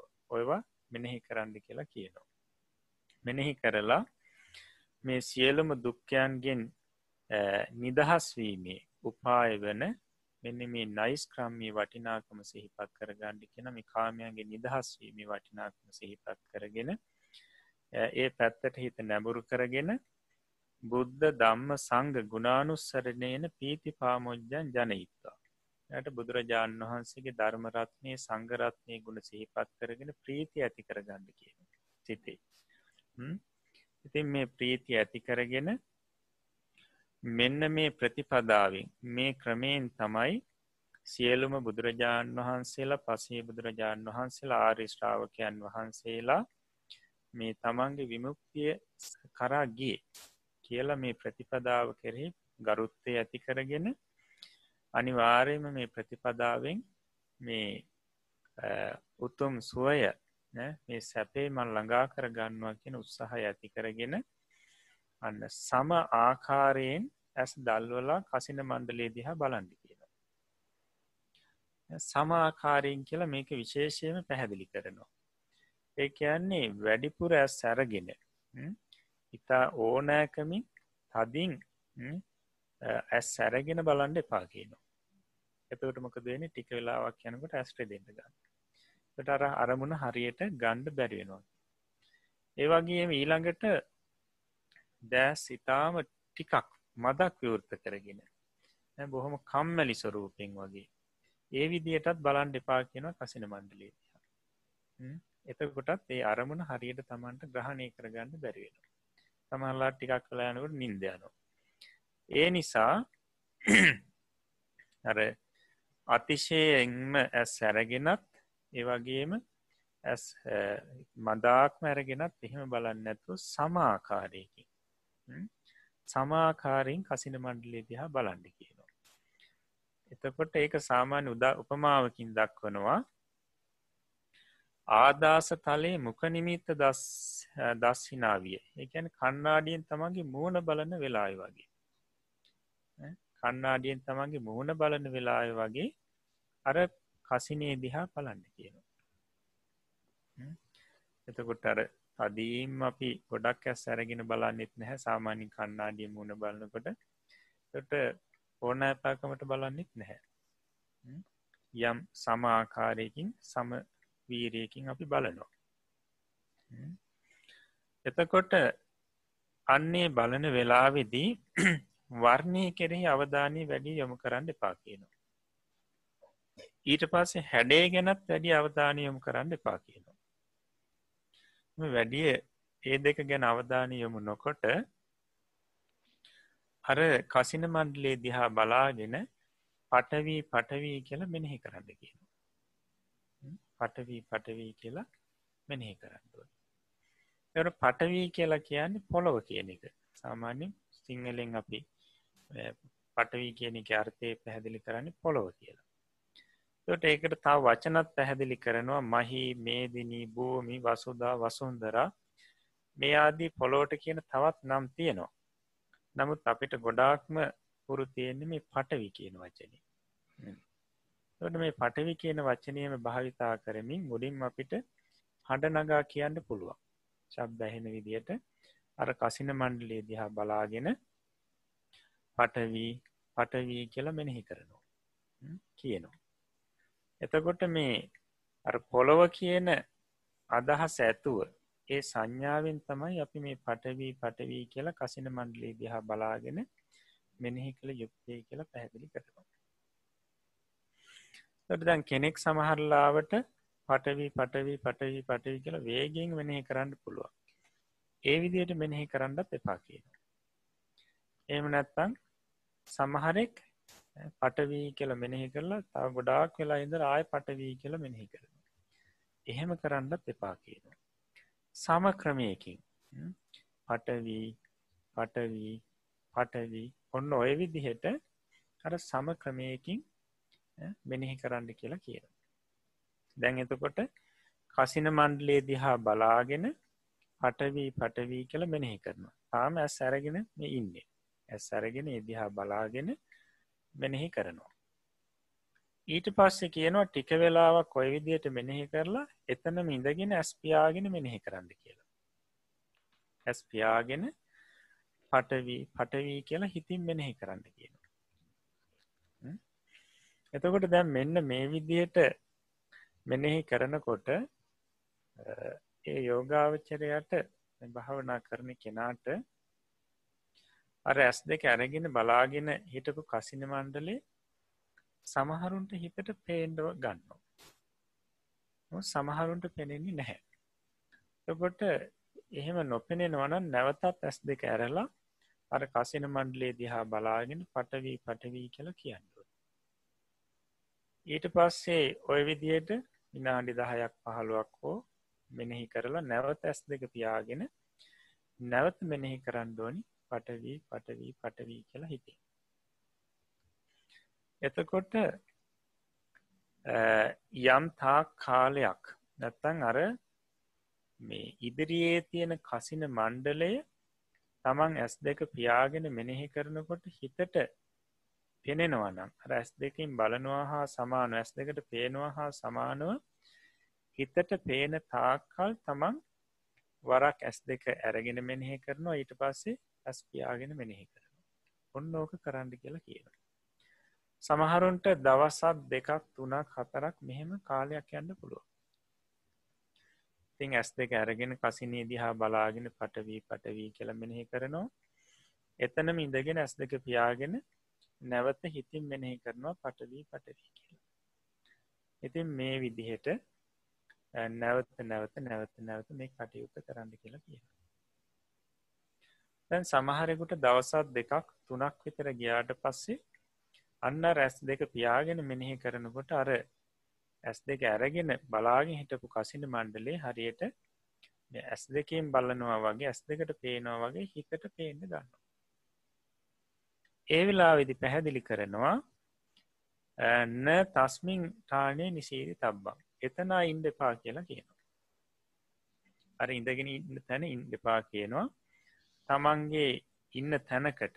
සාමීන් වහන්සේ නමක් නම් කුටියට හෝ ගිහිල්ලා ඒ භාවනා කරන ආසනය ගිහිල්ලා ඉඳගන්න ආසනයේ වැඩ ඉඳගෙන ඇස් දෙක පියාගෙන අන්න පටවී පටවී පටවී කියල මෙනෙහි කරන එතවට සමහරෙකුට අර ඉඳගෙන කසින ඉස්සරහ ඉඳගෙන මෙනෙහි කරනකොට අර කසින මණ්ඩලේ දැක්කා වගේ හිතට පෙනුණා වගේම මෙතනදිත් පෙනෙනවා. සමහරකුට පෙනෙන්නේ නෑ.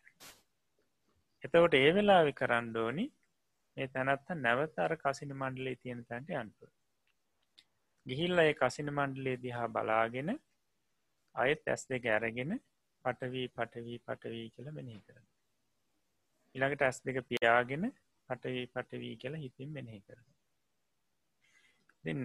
තාම ඒ කසින නිමිත්ත අපි රවමට කියනවා ඒ මැටි රවමට කියනවා කසින නිමිත්ත කියලා. මේ කසින නිමිත්ත හිතට නොපෙනෙනවාද තාම නැවතත් ඇස් දෙක ඇරගෙන ආය මෙනෙහි කරන ඇස් දෙක වහගෙන ආය මෙනෙහි කරන මේ විදියට නැවත චිත්තට පෙනෙන තාක්කල් මෙනෙහි කර කර ඉන්න එතවට යම් වෙලාවක පෙනුන නම් ඒ වෙලාවේ එතනින් නැගිටලා අයනවා අර තමන් ඉන්න තැනට. භාවන ආසනයට. ඇවිල්ලා ඔන්න ඇස් දෙක පියාගෙන මෙනෙහි කරන එතකොට ගොඩක් දුරට මේ කසින නිමිත්ත තමන්ගේ හිතට පේන්ඩ ගන්න එතකොට අර ලෑල්ල උඩ තිබුණ වගේම තමන්ට ඒ කසින නිමිත්ත පේන්ඩ ගන්න එතකොට මෙන්න මේ අවස්ථාවේදී මේ කසින් නිමිත්ත පේන්ට ගන්න අවස්ථාවේදී හිත සංසිදෙන්ට ගන්න කය සැහැල්ලුවෙන්ට ගන්න කයේ තියෙන අර තද ගති සැහැල්ලුවෙන්ඩ ගන්නවා. හිතට පුදුම සුවයක් එනවා. ඉතින් පැහැදිලි කරනවා මේ අර ලෑල්ලේ තිබුණු කසින්න මණ්ඩලේ හිතට පෙනෙන තත්වයට පත්වීමට නැත්තං හිතට පෙනෙනවා නම් අන්න ඒ වෙලාවෙදි අපි ඒ හිතට පෙනෙන ඒ අරමුණට කියනවා උග්ගහ නිමිත්ත කියලා. අපි ඒ වෙලාවේ මණ්ඩලේ අපිට හිතට පේනවනම් අපි කියනවා උග්ගහ නිමිත්ත පහළ වුණා කියලා. භාවනාව එක්තර අවස්ථාවක් මේ උග්ගහ නිමිත්ත පහළවීම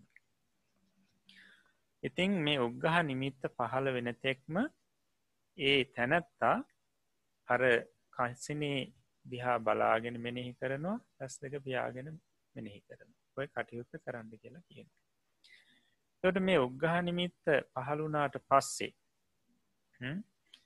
ඒ තැනැත්තට කරන්න තියෙන්නෙත් වෙන දෙයක් නෙවෙයි ඒ උග්ගහ නිමිත්ත දිහා හිතින් බලාගෙන පටවී පටවී පටවී කළ මෙනෙහි කරන ඇත්තං අර හිතට පෙනෙන ඒ කසින නිමිත්ත දිහා බලාගෙන හිතින් බලාගෙන හිතින් මැස් දෙක පියාගෙන පටවී පටවී පටවී කියලා මෙනෙහි කරනවා. ඉතිං දැන් මේ යෝගා මේ භාවනා කරන කෙනාට අර සාමාන්‍යින් අර ලෑල්ලේ තිබුණු කසින මණ්ඩලේ සමහරලාවට ඇගිලි පාරවල් එහෙම තිබුණ නං දැම් මේ හිතින් පෙනෙන කොටත්තේ කසින නිමිත්ත සමහරලාට ඒවා ප්‍රකට වෙනවා. ඒවා ප්‍රකට වෙනවා. ඉතිං ඒ කෙසේ නමුත් මේ තැනැත්තට කරන්න තියෙන්නේ ඒ කසින නිමිත්ත දිහා බලාගෙන නැත්තන්ගේ උග්ගහ නිමිත්ත දිහා බලාගෙනම ඉතින් බලාගෙන පටවි පටවි කියලා මෙනෙහි කරන පැහැදිලි කරනවා මෙන්න මේ අවස්ථාවදි සමහර වෙලාවට ඔය කසින නිමිත්තට අමතරව ප්‍රිය රූප පේන්ඩ සමහරුන්ට ගන්නවා. සමහට බුද්ධ රූප පේන්ඩ ගන්න සමහරුන්ට මේ භික්‍ෂූන් වහන්සේලාගේ රූප පේන්න ගන්න සමහරුන්ට දෙවියන්ගේ රූප නිකං පෙනෙනවා වගේ වෙනවා. සමහරුන්ට නික යක්ෂ රූප වගේ පේට ඉතිං සමහරු ඒ වෙලාවිදි ඒ රූප ඔස්සේ යනවා. අන්න එතෝට භාවනාවෙන් ඒ තැනැත්තා පිට පැන්න වෙනවා නැතම් ඒකෙන් බැහැර වුණා වෙනවා. ඉතින් ඒක පැහැදිලි ධර්මය පැහැදිලි කරන්නේ ඒවට ඇලෙන්ඩත් එපා භයානක රූපයනකොට ගැටෙන්ඩත් එපා. ඒවට හිතයමු කරන්න එපා කියන ඒවට හිතයමු කරන්න නැතුව අර කසින නිමිත්ත දිහාම බලාගෙන පටවී පටවී කියලා මෙනෙහි කරනවා. එතවට මේ විදිහට දැ මේ කසින නිමිත්ත මෙතනදී උග්ගහ නිමිත්ත හැටියට ප්‍රකට වෙනවා. දැන් ආනාපාන සති භාවනාවක් වගේ කරනකොට ඒ අයට නිකං ආලෝකයක් සුළු ආලෝකයක් පහළ වෙනවා. ට ඒ අවස්ථාවද අපි ඒකට කියනවා යානාපාන සති භාවනාව උග්ගහ නිමිත්ත කියලා. දැන් ගොඩක් දෙනෙක් මෙන්න මේ සුළු ආනාපාන සති භාවනාවනම් ඒ සුළු ආලෝකයක් එනකොට මේ ගොල්ලො හිතනවා මොකද හිතේ එකඟතාවයක් එක කයස් සැහැල් වෙලා තම ගොඩක් දුරට මේක පහළ වෙන්නේ. එතකොට හිතන ඔන්න ධ්‍යාන ලැබුවන කියලා. රූපාවචර සිත පහළුනා කියල හිතනවා. එම නැත්තං සමහරිතනවා රහත් වනා කියලා. සමහරිතනවා මාර්ග පල් ලැබුව කියලා. ඉතින් මේ ඇත්තටම ගත්තා මේ උග්ගහ නිමිත්ත පහළ වෙන අවස්ථාව කියලා කියන්නේ භාවනාවේ මුල් අවස්ථාවක්. තාම රූපාවචර සිතක්වත් පහළ වෙලා නැහැ. කාමාවචර සිත් පහළ වෙන අවස්ථාවක්. තට මේ අවස්ථාවේදී අර ජීවිතේටම නොදකපු දෙයක් නිසා නොවිඳපු අත්දැකීමක් නිසා ගොඩත් දෙනෙක් මෙතනදි පැවටෙනවා රැටිලා තමන් මේ මාර්ග පල් ලැබුව කියලා හෝ එහෙම නැත්තං ධ්‍යාන ලැබුව කියලා හෝ රැවටිලා ඒ ඔස්සෙම යනවා. නමුත් දැ වෙන කෙනෙක් ඒ ගැන පැහැදිලි කරලා දෙන්න ගියත් ගොඩක්දුවට එක පිළිගන්නේ නැහැ. මොකද තමන් කයි සංසිඳීමක් එක්ක එතකොට හිතේ සැහැල්ලුවක් එක ලබපු අත්දැකීමක්. ඉතින් හිතනවා මේ අනික් කෙනාටම එක තේරෙන්න හැ කියලා. ඉතින් ඒ නිසා ඒ ඔස්සෙම ගිහිල්ල අන්තියට භාවනාව මේ භාවනා දියුණු නැති කරගන්න භාවනාව පහලට වැටෙන ඉතින් මෙන්න මේ අවස්ථාවදී මේ උග්ගහ නිමිත්තට අමතරව තමන්ට නිකං දිවියත් දෙවියන්ගේ රූප පෙනෙනවා නං එහෙම නැත්තං ඔය බුද්ධ රූපාදයක් පෙනෙනවා නම් වෙනත් භයානක රූපාදයක් පෙනෙනවන මේවට හිතයමු කරන්නේ නැහැ. කසින මණ්ඩලේටමයි හිතයමු කරන්න. ඉතිං ඊට පස්සේ තියෙන්නේ මෙන්න මේ දැකපු දේවල් සමහරලාවට තමන් අනිත් අයත්තික කියන්න යනු ඒ කියන්න ගියාට පස්සේ අනිත්තා ඒවට කියන්නේ වෙන වෙන භාවනා නොකරන අය ඊට පස්ස එක එක දේවල් කියනවා. තොට තමන් බයවෙලා අය භාවනා කරන්නේ. මේ මේ වගේ අත්දැකීම් භාවනා කරන අයට දැනෙනවා. සමහරුන්ගේ වෙන්න මේ ශරීරයේ තැන්තැන් නිකං නලියනවා වගේ දැනෙනවා. ට සමහරු ඒවට අවධානයමු කරගන්න එතකොටත් එයා භාවනාවෙන් පිටයින්නේ ඒ නිසා කියනවා මේ සාමාන්‍යයෙන් ඒ උග්ගහ නිමිත්තටම හිත යොමු කරගෙන අනිත් කිසිම දෙයක් සලකන්න නැතුව පටවී පටවී පටවී කළ මෙනෙහි කරන්න කිය. ඉතින් මෙන්න මෙහෙම මෙනෙහි කරගෙන යනකොට මෙ තැනත්තගේ අර හිතේ එකඟතාවේ තව තවත් වැඩි වෙනවා. කයේ සැහැල්ලුව තවත වැඩි වෙනවා. හිතේ සතුට ටික ටික වැඩි වෙනවා. ඉතිං පුදුමාකාර මේ රසයක් භාවනා රසයක් මේ තැනැත්තට දැනෙනවා. එතකොට ඒ කයේ සැහැල්ලු ඇති වෙනකොට හිතේ සතුට ඇතිවෙනකොට මේ කිසිවකටව මත් අවධාන යොමු කරන්න එපා කියන. කසින මණ්ඩලේටම අවධාන යොමු කරන්නේ බාහිර මොනවා වනත් ඒ කිසිවක් සලකන්නේ නෑ. එතකොට පැහැදිලි කරනවා පුනක් පුනං සමන්නාහාරි තබ්බං තක්කාහතන් විතක්කාහතන් කාතබ්බා නැවත නැවත නැවත නැවත මෙනෙහි කරන්න කියනවා. පටවී පටවී පටවී කියලා රුග්ගහ නිමිත්ත දිහා හිතින් බලාගෙන. එතකොට තස්ස ඒවන් කරුන් තස්ස අනුක්කමේන නීවරණානි වික්කම්බන්ති අන්න.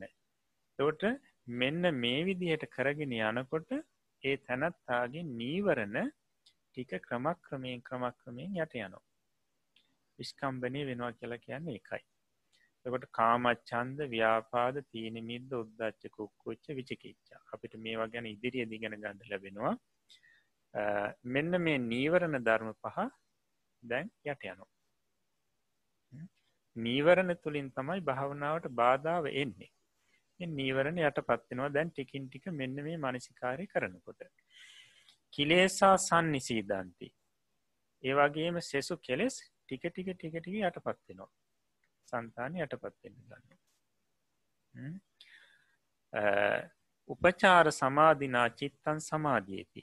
අර මුලින් තිබුණට වඩා බලවස් සමාධයක් දැන් පහළ වෙනවා. පටිභාග නිමිත්තං උපපජ්ජති. අන්නේ වෙලා විදි පටිභාග නිමිත්ත උපදිනවා කියලා කියනවා.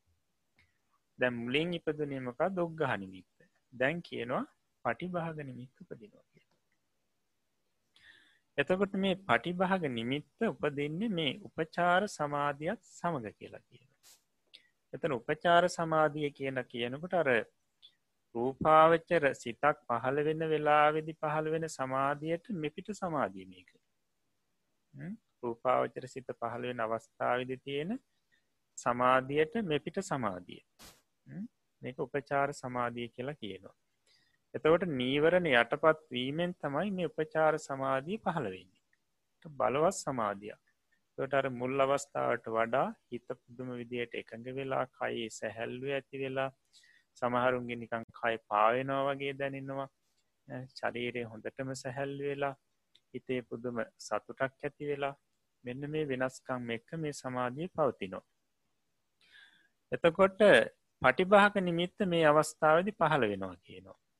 ට පටිභාග නිමිත්ත කියලා කියන්න මොකක්ද කියල මෙතන පැහැදිලි කරනවා. හරියට අර උග්ගහ නිමිත්ත නැත්තන් අප අර ලෑල් උඩ තිබුණු කසින මණ්ඩලේ හිතට පෙනෙන අවස්ථාව අපි කිවන උග්ගහ නිමිත්ත පහළුනා කියලා. මෙන්න මේ උග්ගහ නිමිත්තට වඩා සිය දහස් ගුණයකින් ප්‍රභහස්වර අතිශයෙන් ප්‍රභාස්වර වුණු අර උග්ගහ නිමිත්ත හරියට පලාගෙන මතු වුණු ආලෝක ස්වරූපයක්. තමයි මෙන්න මේ පටිභාග නිමිත්ත කියලා කියන්න හරියට මේක පැහැදිලි කරන අර සමහරුව රවුන් හැඩේට හෝ කන්නාඩි මුණ බලන කන්නාඩි තම ඒ පසුම්බියක දාගෙන ඒ කන්නාඩි පසුම්බියෙන් එලියට ගන්න අන්න ඒ වගේ කියලා කියනවා ඉතාම ප්‍රභාස්වර විදියට මෙන්න මේ පටිභාග නිමිත්ත පහලවෙනවා කියලා කියන. උපමා දක්වනවා. වලාහකන්තරා නික්කාන්ත චන්ද මණ්ඩලංවිය. වලාකුලින් වැහිල තිබුණු හඳ මඩලක් වලාකුල්ලු ඉවත් වනාට පස්සෙ වගේ. අන්න ඒ විදිහට මේ ඒ විදිහේ ස්වරූපයක් ඒ විදිහි නිමිත්තක් අන්න තමන්ට ප්‍රකට වෙන. උග්ගහ නිමිත්ත නෙවේ දැන් තියෙන්නේ ග උග්ගහ නිමිත්ත පලාගෙන මත්වුණු ඊට වඩා සිය දහස් ගුණයකින් ප්‍රභාස්වර නිමිත්තක් මණ්ඩලයක් තමන්ට පෙනෙන්ඩ ගන්න. අන්නේ අවස්ථාව තමයි පටිභාග නිමිත්ත පහළුණු අවස්ථාව කියලා කියන්න. එතකොට තාම මේ රූපාවචර සිතක් පහළුණු අවස්ථාවක් නෙවේ. නැත අපි කියන තාම මේ දිහානයක් ලැබුණ අවස්ථාවක් රූපාවචර දිහානය ලැබුණ අවස්ථාවක් නෙවෙයිමේ.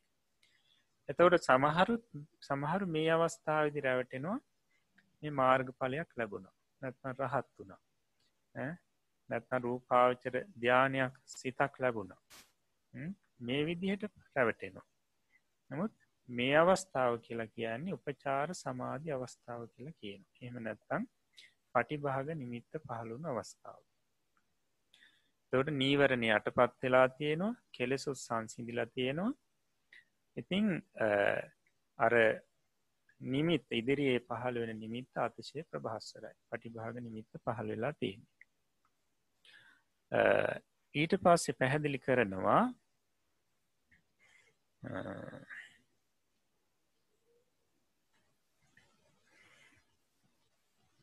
මෙන්න මේ පටිභාග නිමිත්ත පහළ වෙන අවස්ථාව කියලා කියන්නේ භාවනා විශේෂ අවස්ථාවක් මේ අවස්ථාවේදී මේ පටිභාග නිමිත්ත ඉතාම ඕනායකමින් රැක ගණ්ඩි කියලා කියන.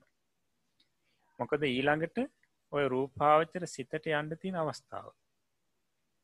තැන පැහැදිලි කරනවා හරියට චක්‍රවර්ති ගැබක් රකිනා වගේ රැකගන්න කියලා.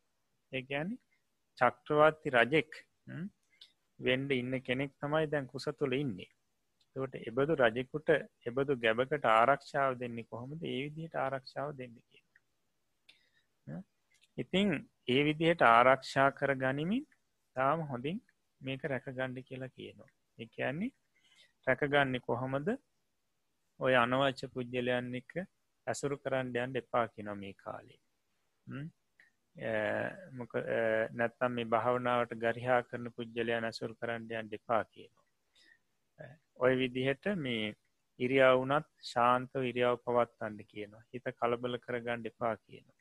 මේ තුළින් තමයි මේ පටිභාග නිමිත්ත මේ රැකගණ්ඩ පුළුවන්ගන්න ට මෙන්න මේ පටිභාග නිමිත්ත පහළුනාට පස්සෙත් මේ යෝගාවච්චරයාට කරන්න තියෙන්නේ වෙන දෙයක් නෙවෙයි. ඒ පටිභාග නිමිත්ත දයා හිතින් බලාගෙන පටවී පටවී පටවී කියල මෙනෙහි කරන්න. තැන් සමහරු මේ පටිභාග නිමිත්ත පහළුනාට පස්සේ මනසිකාරය නවත්තලා ඒක ඒ පටිභාග නිමිත්ත ස්වරෝපය බලන්ඩ යනු ඒක කොයි විදිහෙකත් ඔය විදි විමර්ශනය කරන්න යනු අන්න එහෙම කරන්න ගයාට පස් සමහලාට පටිභාග නිමිත්ත නැතියෙන පටිභාග නිමිත්ත නැතියෙන එතකොට දැම් කරන්න කියලා පැහැදිලි කරන්නේ පටිභාග නිමිත්ත දිහා බලාගෙන පටවී පටවී පටවී කියල මෙනෙහි කිරීම. මෙන්න මෙහෙම මෙනෙහි කරනකොට සමහර වෙලාවට පටිභාග නිමිත්ත සෙලවෙන ආකාරයක් තමන්ට යෝගාවච්චනයට පේන්ඩ පුළුවන් සෙලවෙනවා. ඇත්තන් එහා මෙහා යනවා. ඒ කෙසේ වුණත් ඒ පටිභාග නිමිත්ත දිහා බලාගෙනම මෙනෙහි කිරීම කරන්න.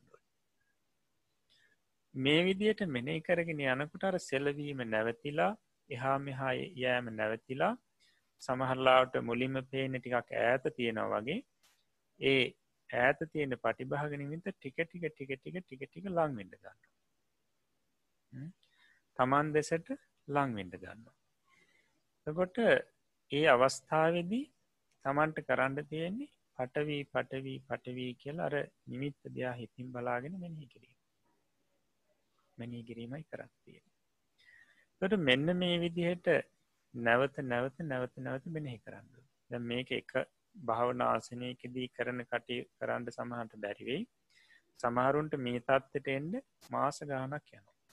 සමහරුන්ට මේ තත්වට එන්ඩ අවුරුදු ගානක් යන නමුත් සම වීරයක් තියාගෙන මේක කළ යුතුයි. තර සමහරුන්ට පටිභාග නිමිත්ත කියන එක පහළවෙන් නැතිවෙනකොට ඔන්න කිපෙනවා.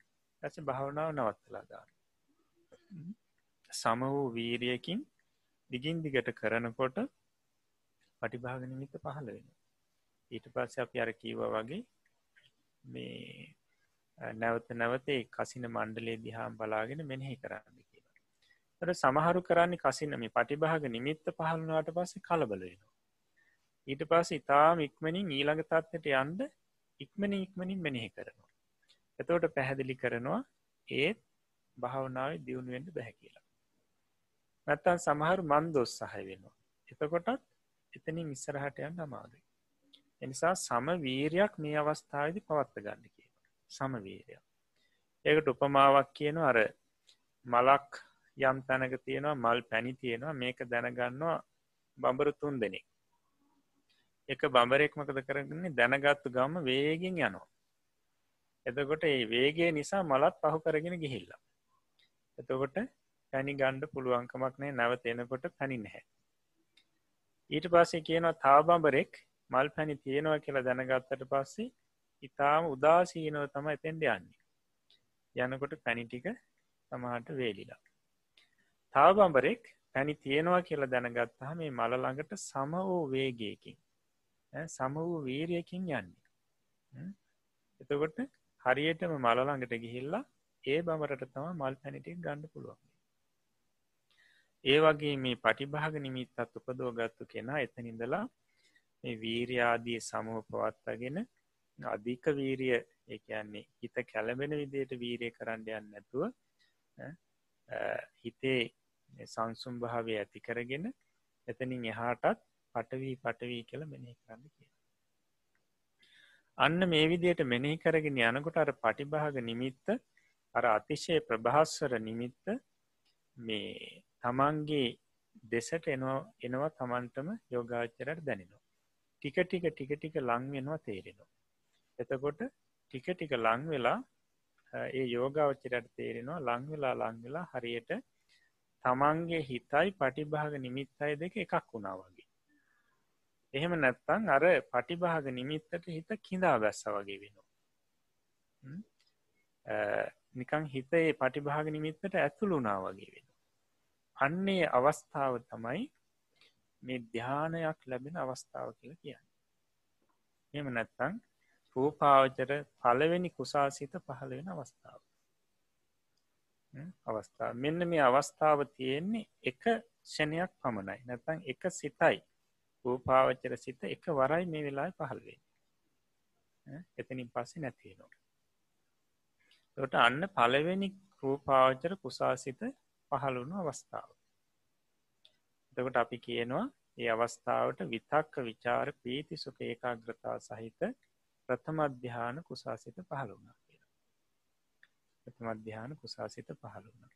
මේ අවස්ථාවට තමයි කියන රූපාවචර ප්‍රථම මේ පළවෙනි සිත පහළුණා නැත්තම් ප්‍රථම අධ්‍යාන සිත පහළුණා නැත්තං පළමු අර්පනාව පහළ වුණා අර්පනා සමාධී ඇති වුණා කියලා කියනවා මෙන්න මේ නම්වලින් කියන්නේ ඔන්න ඔය අවස්ථාවට එකට ඒ අවස්ථාව මේ සුළු අවස්ථාවයි මුලින්ම තියෙන්නේ. හරියට අර කසින නැත්නම් පටිභාග නිමිත්තට හිත කිඳා බැස්ස වගේ. ඒ අවස්ථාවද බාහිර ගැන කොහෙත්ම අවධානයක් නැහැ. මෙන්න මේ අවස්ථාවදී අර දෙහාන සිතේ කියනවා වගේ මේ විතක්ක විචාර ප්‍රීති සුක ඒකාග්‍රතා කියන අංග පහ බොහොම බලවත්ව පහළ වෙන බොහොම බලවත්ව පහළ වෙනවා. ොට මේ අංග පහෙන් යුතු ප්‍රථමධ්‍යානය තමයි සිත තමයි වෙලා පහළවේ තොට මේ අංග පහට කියනවා ප්‍රථම අධ්‍යානී කියලා ඒ ධ්‍යානින් මේ අංග පහ කියනි චෛතසික පහක් එකනෙකාට අන්‍යෝන්‍ය උපකාරයෙන් යුතුව බලවත්ව පහළ වෙනවා. එතකොට මෙන්න මේ චෛතසික පහෙන් බලවත්ව පහළුණු චෛසික පහෙන් යුතු සිතට කියන ප්‍රථමධ්‍යාන සිත කියලා. ප්‍රථමධ්‍යාන සිත පලවනි ධ්‍යාන සිත කියලා කියන.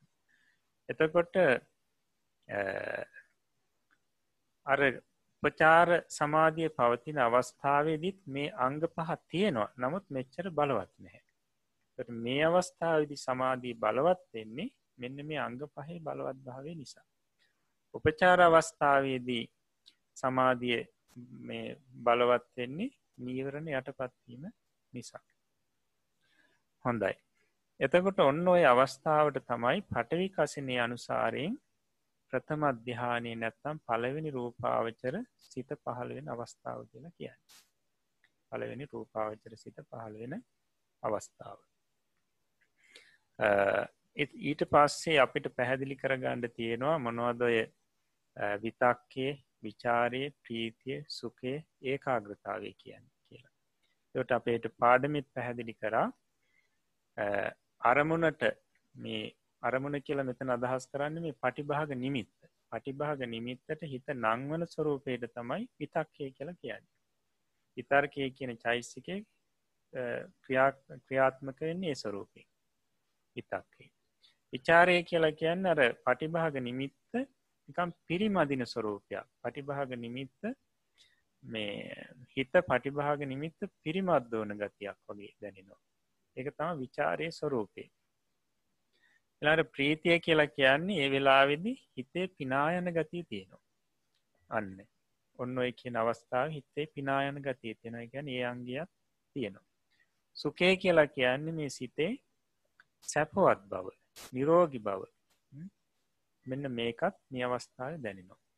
එතකොට මේ සිතට ප්‍රීතිය සිතේ පිනායන ගතිය සිතේ සැපුවත් නිරෝගි ගතිය දැනෙනකොට මේක කයටත් දැනෙන්ට ගන්න කයේ පිනායන ගතිය කයේ පහසු ගතිය ඒ තුළින් ඇතිවෙන. ඊළඟට ඒකාග්‍රතාවය කියන්නේ එකඟ බව එකඟ බව මෙතන අධිකයි. අපි සමාධී කියලක්කිව ඒකාග්‍රතාව මෙන්න මේ අංග පහ බලවත්ව පහලෙන මේ අංග පහට තමයිකේ ප්‍රථමත් දිහානය කියලා. ඒකයි අර පැහැදිලි කරේ විතක්ක විචාර පීති සුක ඒකාග්‍රතා සහිත ප්‍රථම අධ්‍යාන කුසල් සිත. හොඳයි. එතකොට ඊළඟට අපි පැහැදිලි කරගන්න තියෙන ඊළඟට දෙවැනි කුසල් සිත කොහොමද ඇති කරගන්නේ? දුති අධ්‍යාන කුසා සිත කොහොමද ඇති කරගන්න? නැත්තන් දෙවැනි රූපාවචර කුසා සිත කොහොමද ඇති කරගන්න?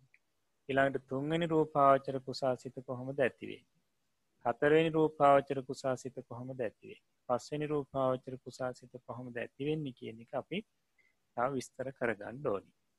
එතකොට අපිට ඒ සම්බන්ධයෙන් ඊළඟ දවසි තමයි සාකච්ඡා කරන්න පැහැදිලි කරන්න වෙන්නේ. තොට දැනට ඔය ක්‍රියපු ක්‍රමයෙන් පිරිසට යම් පැහැදිලි වීමක් ඇතිවෙන්ඩ ඇති. මේ ධ්‍යාන සිතක් මුලින්ම පහළ වෙන්නේ කොයි වගේ ස්වරූපෙන්ද කියන එක. තොට මේක මේ පටවි කසිනේ අනුසාරයෙන් වීමම් පැහැදිලි කරේ. සමහරලාට පටිභාග නිමිතිවල ස්වරූපහෙම සමහර භාවනාවට අන්රූපය වෙනස් වෙනවා. වෙනස් වෙනවා. අපි ඒවා පසුව පාඩම අගදී මේ පොතේ අගදී තමයි පැහැදිලි කරන්නේ. ගොට දැනට අපි ඔය ක්‍රමයෙන් මේ ප්‍රථමධ්‍යානයක් පහළුවෙන් හැටි දැනගන්න ඕන. හොඳයි. එහෙමනම් අපි පාඩම පාඩමේ අපි අර පැහැදිලි කරගත්තු නැත්ත සාකච්ඡා කරගත්තු කරුණු තවදුරටත් ඉදිරි දවසේ ඉදිරි පාඩමීදී තම පැහැදිලි කරගඩ්ඩ වෙන්නේ. ඇතකොට මේ පාඩමට අදාළ මෙතෙක් මේ කියවුණු කොටසට අපිට ප්‍රශ්නය යෙදෙන්නේ නැහැ. ඒ නිසා අපි ඊළඟ දවසේ ඉතුරු රූපාවචර සිත් උපදවා ගන්න හැටි පැහැදිලි කර ගනි හොඳයි.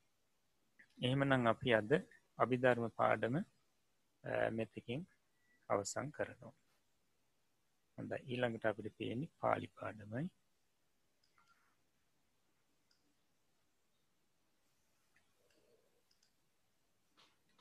පාලි පාඩමේදී අපි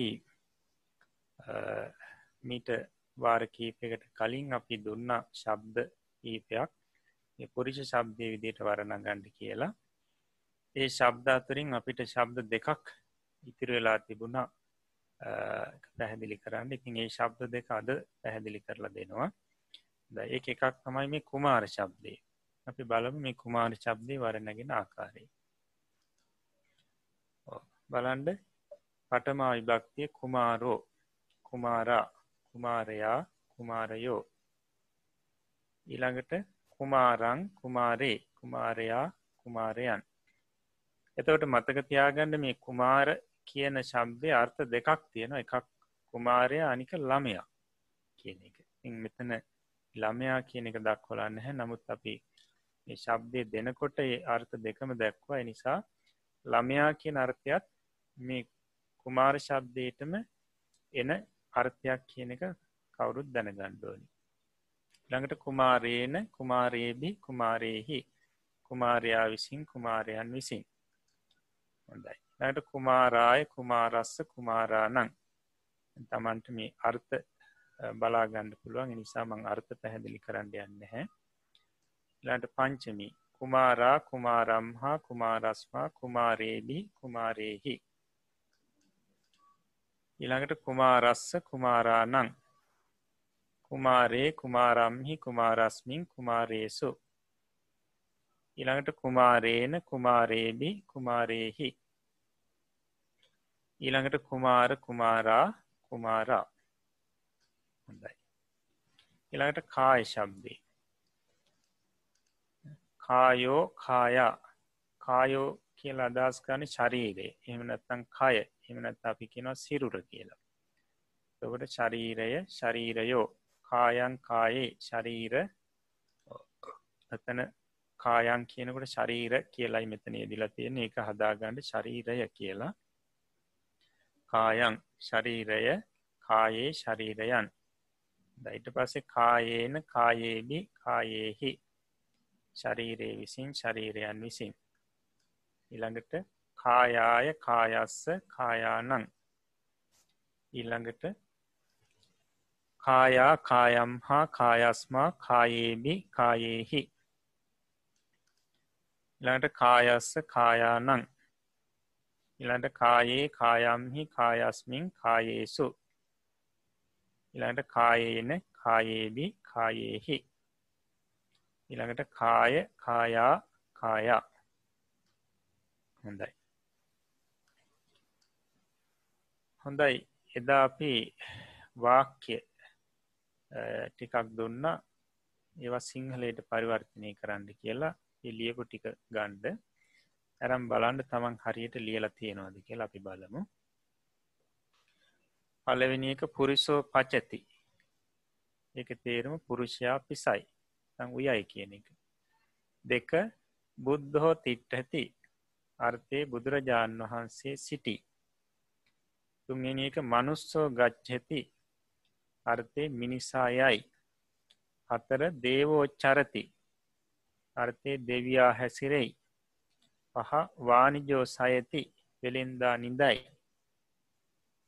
හය ලේකකෝ නිසීදති ලියන්නා හිඳී.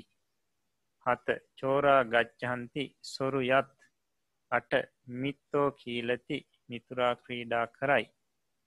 නමේ බොහෝපාලා චරන්ති රජවරු හැසිරෙත්. දහය කස්සකෝ බොංජති ගොවියා අනුභව කරයි. එකොළහ. කම්මකාරෝ සයති කම්කරුවා නිදයි දොළහ. ගෝපාලෝ කහදති ගොපල්ලා කයි. දහතුන. රජකෝ දොහොවති රදවා සෝදයි. දාහතර. දාසා සයන්ති දාසයෝ නිදත් පහළව. පුත්තෝ භාසති පුත්‍රයා කියයි. දාසේ. තුවන් කීලසි නුබ ක්‍රීඩා කරහි. නැත්තං නුබ කියන එකට අපි අරවල් නැගීම දැක්වා වගේ තෝ කිය නර්ථයක්ත් දන්න පුළුවන්. නමුත් අපි ගොඩක් අද යොදාන්න නුබ කියන එක. සා නුබ ක්‍රීඩා කරහි නට දා හත තුම්හේ සයත නුබලා නිදහු නැත්තං එක් කියන්න පුළුවන් තෙපි නිදහු කියලා කියන්නත් පුළුවන් නට දහට අහන් නිසීදාමි මම හිඳිමි. දහ නමේ මයං ගච්චහාම අපි යමු. විස්ස බුද්ධහෝ දේවානන් දම්මම් බහසති බුදුරජාණන් වහන්සේ දෙවියන්ට ධර්මය කියයි. විසි එක සංගහෝ මනුස්සානන් දම්මම් බහසති සංඝයා වහන්සේ මිනිසුන්ට ධර්මය කියයි. ඊළඟට විසි දෙක අහන් තුයිහම් පාදේ දොහොවාමි. මම නුඹගේ පාදයන් සෝදමි. එහෙම නැත්තන් කියන්න පුළ මම තාගේ පාදයන් සෝදමි. එහෙම නැත්තම් මම තාගේ පාසෝදමි පාදයන් කියන්නත් පුළුවන් පා කියලා කියන්නත් පුළුව ට විසිත්තුන මයන් සංගහස්ස පාදේ දොහොවාම අපි සංගහා වහන්සේගේ පාදයන් නැත්තම් පා සෝදමු. ඉලාට විසි හතර දාසා තුම්හාකං හත්තහෙ දොහෝවන්ති දාසයෝ නුබලාගේ අත් සෝදත්. එහෙම නැත්තන් කියන්න පුළුවන් දාසයෝ තොපගේ අත් සෝදත්. හොඳයි. ඊළඟට විසි පහ. අහං වෝ දම්මම් බහසාමි මම නුබලාට ධර්මය කියමි. නැතන් තවත් ක්‍රමයකින් කියන්න පුළුව මම තොපට ධර්මය කියමි. වෝ කියන එක අර්ථය එතන අපි නුබලාට කියලයි ගත්තේ. ලට විසි හය තුවං පුත්තානං හත්තහෙ දහෝවසි නුඹ පුත්‍රයන්ගේ අත් සෝදහි. නුඹ පුත්‍රයන්ගේ අත් සෝදහි. ලාට විසි හත තුම්හේ නෝ පාදේ දොහොවත නුබලා අපගේ පාදයන් සෝදහු. එහෙම නැතන් තවත් ක්‍රමකින් ගෑන්න පුලන් තෙපි අපගේ පාදයන් සෝදහු. එහෙම නැත්තන් තවත් ක්‍රමකින් කියන්න පුළුවන්. නුබලා හෝ තෙපි හෝ කියන පදේ දාලා අපගේ පා සෝදහු. එතවට නෝ කියන එක අපගේ කියන අර්ථයයි එන දක්වලා තියෙන ට චට්ටි විභක්තියෙන් චට්ටි බහු වචනින් ඒ පදේ එදිලතිය ඉලාට විසි අට තුම්හේ අම්හාකන් දම්මන් දේශේත නුඹලා අපට ධර්මය දේශනා කරහු. දේශනා කරහු. තන තෙපි කියලත් ගණ්ඩ පුළුවන්. තෙපි අපට ධර්මය දේශනා කරහු. එතවට මෙන්න මේ දේශේත කියන වචනය මට මතක හැටියට මට කියල දෙන්න බැරි වුණා. හිටාවින හැ තර දේශේත කියන වචනයත් දේශේති දේශෙන්ති දේශේසි දේශේත දේශේමි දේශේම කියල තමයි වරණැන්වෙන්නේ දේශනා කරයි දේශනා කරත් දේශනා කරහි දේශනා කරහු දේශනා කරමි දේශනා කරමු කිය හොඳයි. ඊළඟට අපි ක්‍රියාපද වරණංවන්ට දුන්නගේ සතියේ බලන්ඩේවත් පස්සඇති කියන ක්‍රියාපදේ අර්ථය බලයි. එම නැත්තං තවත් අර්ථයක් තියෙනවා දකි. ගඩ පස් ඇති පස්සන්ති. ඉළඟට පස්සසි පස්සත. ඉළඟට පස්සාමි පස්සාම. හොඳ ඊළඟට හරති ගෙනයයි හරති හරන්ති. ගෙනයයි ගෙනයත් හරසි හරත්හ ඉළඟට හරාමි හරාම. ඊළඟට දහවති දුවයි. දහවති දහවන්ති දුවයි දුවත්. දහවසි දහවත. දහවාමි දහවාම. ඊළඟට ලියයි ලිකති ලිකහති ලිකහන්ති ලියයි ලියත්. ලිකහසි ලිකහත ලිකහාමි ලිකහාම ඊළඟට වසති. වසයි කියන අර්ථය. වසති වසන්ති. වසසි වසත වසාමි වසාම. හොඳයි. ඊළඟට නැවත මේ ක්‍රියාපද කොට සද්දීලා තියෙනවා කිහිපයක්. පචති කියන ක්‍රියාපදේශේ වරනංවන්ඩ තියෙන්නේ අභ්‍යාස හැටියට තියෙන්නේ. වඩ ආහරති කියන එක අර්ථය ගෙන එයි. ළඟට ආරුහති නගී කියන ගස්සාදී නගෙනකොට අපි කියන ආරුහති කියලා. ළඟට ආගච්ච ඇති. අර්ථය එයි එමනැත්තම් පැමිණෙයි. ඉලාට යාචැති ඉල්වයි ඉල්ලනවා කියන එක. ඊළඟට කනති යනි සාරයි. හාරනවා කියන්න.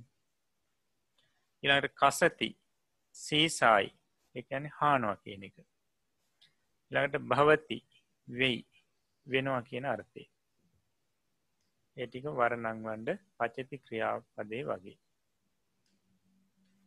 හොඳයි. ඊළඟට නිපාත පද කිහිපයක් අපි දීලා තියෙනවා. මේ ටික පාඩන් කර ගණ්ඩයි තියෙන අර්ථයත් එක්ක. මොකද මේ නිපාත පද වෙනස් වෙන්නේ නෑ. හැම දාම එකම ස්වරූපයෙන් තියෙන්නේ. අර පුරිසෝ පුරිසා විදියට හෝ එහෙම නැත්තං ගච්චති ගච්ඡන්ති විදියට ඒ විදියට වෙනස් වෙන්නේ නෑ. නිරන්තරයම පවතින්නේ එකම රූපයකින්. අර්ථයත් ඒ විදිහෙමයි. අර්ථය වෙනස් වෙන්නෙත් නෑ. වාක්‍යයක මුල වාක්‍යයක මැද වාක්‍යයක අග ඕන තැනක යෙදෙනවා. ඕනම විභක්තික පදයක් එක යෙදෙනවා. ඒ නිසා මේ නිපාත පද පාඩන් කර ගණ්ඩයි තියෙන්නේ අර්ථයත් එක්ක. බලම් පලවෙනි එක ඉදානි. කියැනි දැන් කියන අර්ථය. ඉදානි කියන පදය අර්ථය දැන්. අජ්‍ය කියලා කියන්නේ අද කියන අර්ථය. ආම කියන එක අර්ථය එසේය. ආම අර්ථය එසේය. ලට කිප්පං. කිප්පං කියන එක අර්ථය වහා. ලට කත්තහ. එක අර්ථය කොහේ? එම නැත්තං කොහි? අපි කියන කොහි ගේද කොහේ ගේද කියලා? අන්න ඒ තැන්ගොල කත්තහ කියන පදේ තමයි එන්නේ. ඊළඟට යත්තහ කියන එක අර්ථය යම් තැනක ඊළඟට අද්දහා එක අර්ථය ඒ කාන්තයෙන් කියන එක. ළඟට පුන කියන එක අර්ථය නැවත කියන එක. ඉළඟට සනිකං අර්ථය හෙමින්. ඉළඟට තතෝ එක අර්ථය එතැනින් කියන එක. ඉළඟට ඉද්ද එක අර්ථය මෙහි කියන එක. ඉළඟට ඒවන් එක අර්ථය මෙසේ කියන එක. මෙන්න මේ අර්ථත් එක්ක මේ නිපාත පද පාඩන් කරගන්න. එතකොට ඉස්සරහට වාක්‍යවලට යෙදෙනවා. හොඳයි. ඊළඟට මේ සතිය තවත් වාක්‍ය කීපයක් දෙනවා සිංහලයට පරිවර්තනය කරන්න.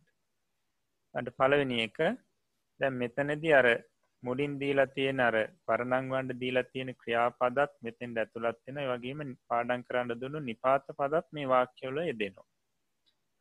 පළවෙනි එක පුරිසෝ පුන ගච්ඡති දෙවැනි එක කුමාරෝ අජ්‍ය ඉද කීලති. තුන්වෙනි එක අහන් තතෝ කිප්පං දහවාමි.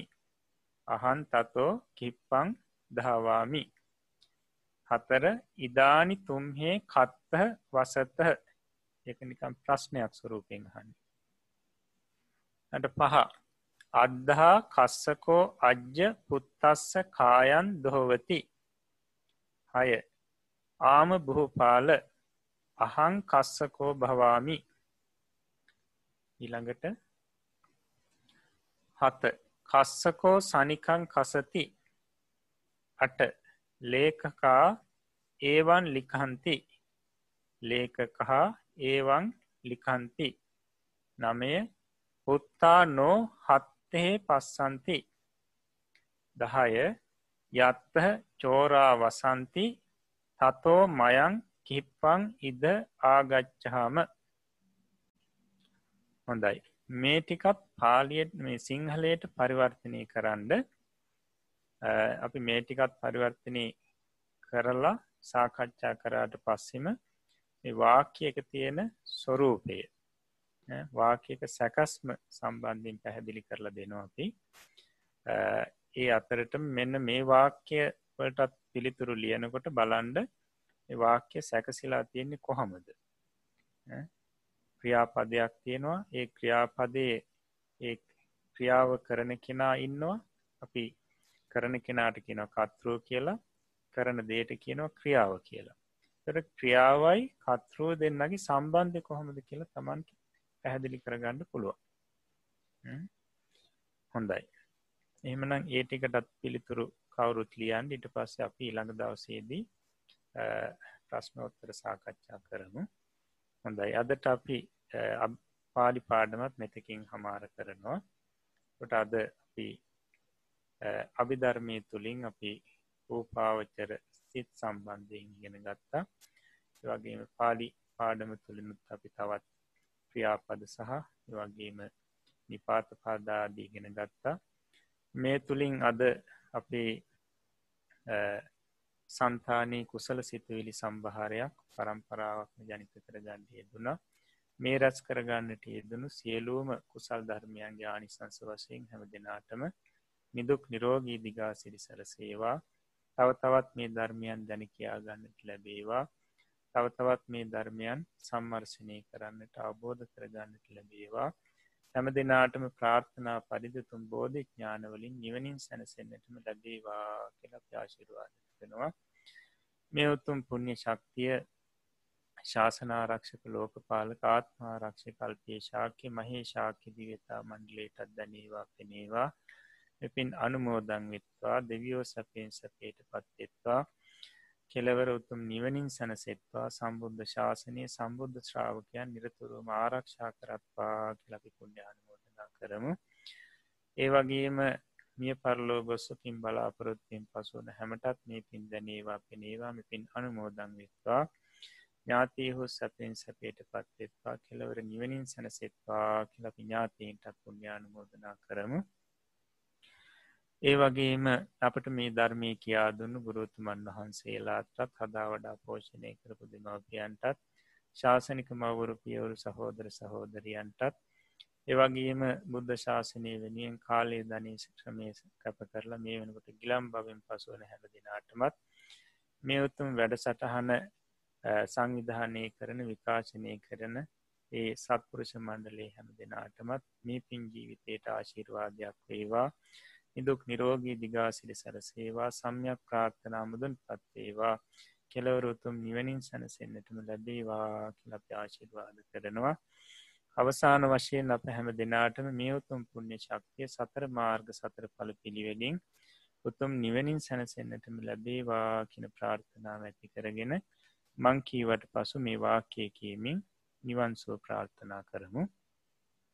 ඉදම් මේ පුං්ඥකම්මං ධම්මේ පුඤ්ඤ කම්මං ආසවක්ඛයා වහං හෝතු ආසවක්ඛයා වහං හෝතු සබ්බ දුක්ඛා පමුංචතු සබ්බ දුක්ඛා පමුංචතු මාගේ මේ පුණ්‍ය ධර්මය මාගේ මේ පුණ්‍ය ධර්මය මාර්ගඵල නිවන් පිණිසම මාර්ගඵල නිවන් පිණිසම හේතු වේවා හේතු වේවා වාසනාව වේවා වාසනාවේවා. සාධු සාධු සාධු අද දවසේත් පහළොස්වනි අභිධර්ම පාඩම තුළින් ලෝතුරා සම්මා සම්බුදුමාමෑණියන් වහන්සේ මහා කරුණාවෙන් අපට නිවන් අවබෝධ කර ගැනීම පිණිසම සංසාරදුකින් අප ගලවා ගැනීම පිණිසම දේශනා කරන්නට යෙදුණු ඒ පරම ගම්බීර වූ අභිධර්මාර්ථයෝ අපිට ඊටාම පැහැදිලි වන ආකාරයෙන්, निराවුල් වන ආකාරයෙන් මේ ධර්මයේ මනාව වඩන ලද ප්‍රගුණ කරන ලද ඒ උතුම් ගෞරවනීය ස්වාමින් වහන්සේ විසින් පැහැදිලි කර දෙන්නට යෙදුණා.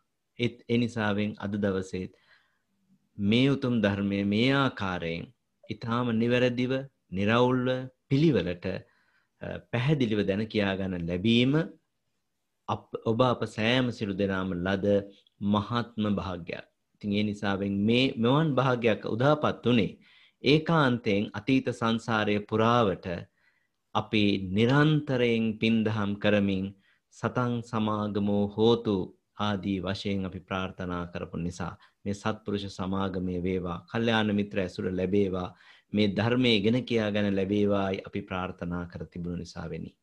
ඒ නිසා එහි භාග්‍යයක් වශයෙන් මේ ධර්මය ඉගෙන කියා ගන්න අදත් අපිට ලැබුණා. ඉදිරියේදී මේ උතුම් ධර්ම වැඩසටහන තුළින් අපට අපගේ ධර්මඥානය දියුණු පමුණු කරගන්න ලැබේවා කියලා අපි පළමුව ප්‍රාර්ථනා කරගනිමු. ඒ වගේම මෙවන් උතුම් පරම දුර්ලභ ගම්බීර ධර්මයක් අපිට කියා දෙන්න මහත් වෙහෙසක් ගන්නා වූ මහත් ඕනෑකමින් බොහෝම ගෞරවයෙන් බොහොම ඕනෑකමින් ඒ කටයුතු සූදානම් කරගෙන කියාදීමට ඉදිරිපත් වන අපගේ මේ ගෞරවනීය ස්වාමීන්ද්‍රයන්න් වහන්සේ උන්වහන්සේගේ ගුණ පුරා ගැනීමට ඒ වගේම උන්වහන්සේගේ ශිෂ්‍ය පිරිසට අවශ්‍ය ධර්මයේ ගැන්වීමේ කටයුතු ආදී සියල්ල තිබියදී අප වෙනුවෙන් කාලය මේ ගඩංගු කරමින් සම්බුද්ධ ශාසනයේ චිරස්ථිතිය අරමුණු කරගෙනම මේ උතුම් ධම් සභාවට වැඩම කොට මේ උතුම් ධර්මය කියා දෙන්නට ගන්නා වෙහෙස සුළුපටු කාරණයක් නෙමේ. ඒ නිසාවෙන් අප මේ තාක් මේ වැඩසටහන් පහළවක් පුරාවට ජනිත කරගත්තා වූ ඒ අපරිමිත කුසල සමුදාය අපි ගෞරවනීය ස්වාමින් වහන්සේට නිදුක් නිරෝගී තිරජීවනය පිණිසම හේතුපනිශ්‍රය වේවායි කියලා හදවතින්ම අපි සාදුකාර දෙමින් ප්‍රාර්ථනා කරමු. ඒ වගේම මේ උදාාරතර කුසලානුභව බලය සම්බුද්ධ ශාසනයේ චිරස්ථිතිය පිණිසම ඒ කාන්තයෙන් හේතුපනිශ්‍රය වේවා ඔබ අප සාමසුළු දෙනාටම නිවන පිණිසම සංසාර දුකින් එතරවීම පිණිසම හේතුපනිශ්‍රය වේවායි ප්‍රාර්ථනා කරගෙන අද දවසේ වැඩසටහනේ පළමු අර්ධය වන පාලි හා විධර්ම කොටස අවසන් පාඩම අවසන් කිරීම වෙනුවෙන් අපි ගෞරවනීය ස්වාමින් වහන්සේව වන්දනා කරමු. මාත් සමගම එක්ව. ඕකාස වන්දාමි බන්තේ. මයා කතං පුඤ්ඤං සාමිනා අනුමෝදිතබ්බං සාදු සාදු අනුමෝදාමි. සාමිනා කතං පුඤ්ඤං මයිහං දාතබ්බං සාදු අනුමෝදිතබ්බං. සාදු සාදු අනුමෝදාමි. ඕකාස ద్వාරත්තේන කතං සබ්බං අච්චයං කමත මේ බන්තේ. කමාමි කම්තබ්බ සාදුකාස කමාමි බන්තේ. සුඛී හෝතු නිබ්බාන පච්චේ හෝතු සුපත්තේවා සීලවන්තං ගුණවන්තං පුඤ්ඤක්කෙත්තං අනුත්තරං දුල්ලබේන මයා ලද්දං බුද්ධ පුත්තං නමාමහං. සුපත්තේවා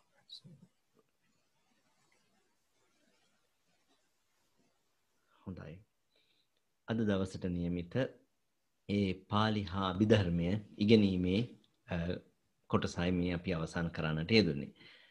දැන් ආරම්භ කරන්නට නියමිත වන්නේ මෙතෙක් කාලයක් තිස්සේ අපි සාකච්ඡා කරන්න යෙදුණු කාමාවචර සිත් 54 සම්බන්ධයනොත් ඒ වගේම විශේෂයෙන් අද දවසේ අපි සාකච්ඡා කරන්නට යෙදුණා රූපාවචර කුසල් සිත් පහ පිළිබඳව විශේෂයෙන්ම මේ රූපාවචර සිත් උපදවා ගන්නට ගැනීමේ සඳහා අවශ්‍ය කරන්නා වූ ඒ කසින භාවනාව වැඩිම සම්බන්ධයෙන් කාරණා රාශියක් ඉගෙන කියා ගන්නට යෙදුණා. මේ සම්බන්ධයෙන් තවදුරටත් ඔබට විමසා ගත යුතු දැන කියා ගත යුතු කාරණයක් ප්‍රශ්නයක් තිබෙනවා නම් ඒ ප්‍රශ්න සාකච්ඡා කරන්නටයි මේ වෙලාව යොමු වෙලා තිබෙන්නේ. ඒ නිසාවෙන් අපි ඔබට බොහොම ගෞරවයෙන් ආරාධනා කර සිටිනවා ඔබට ගෞරවනීය ස්වාමීන් වහන්සේගෙන් අසා දැන කියා ගන්නට ලැබෙන ඒ මේ අවස්ථාව භාවිතා කරගනිමින් ඔබට තිබෙන ගැටලු ඉදිරිපත් කරන්නට කියලා.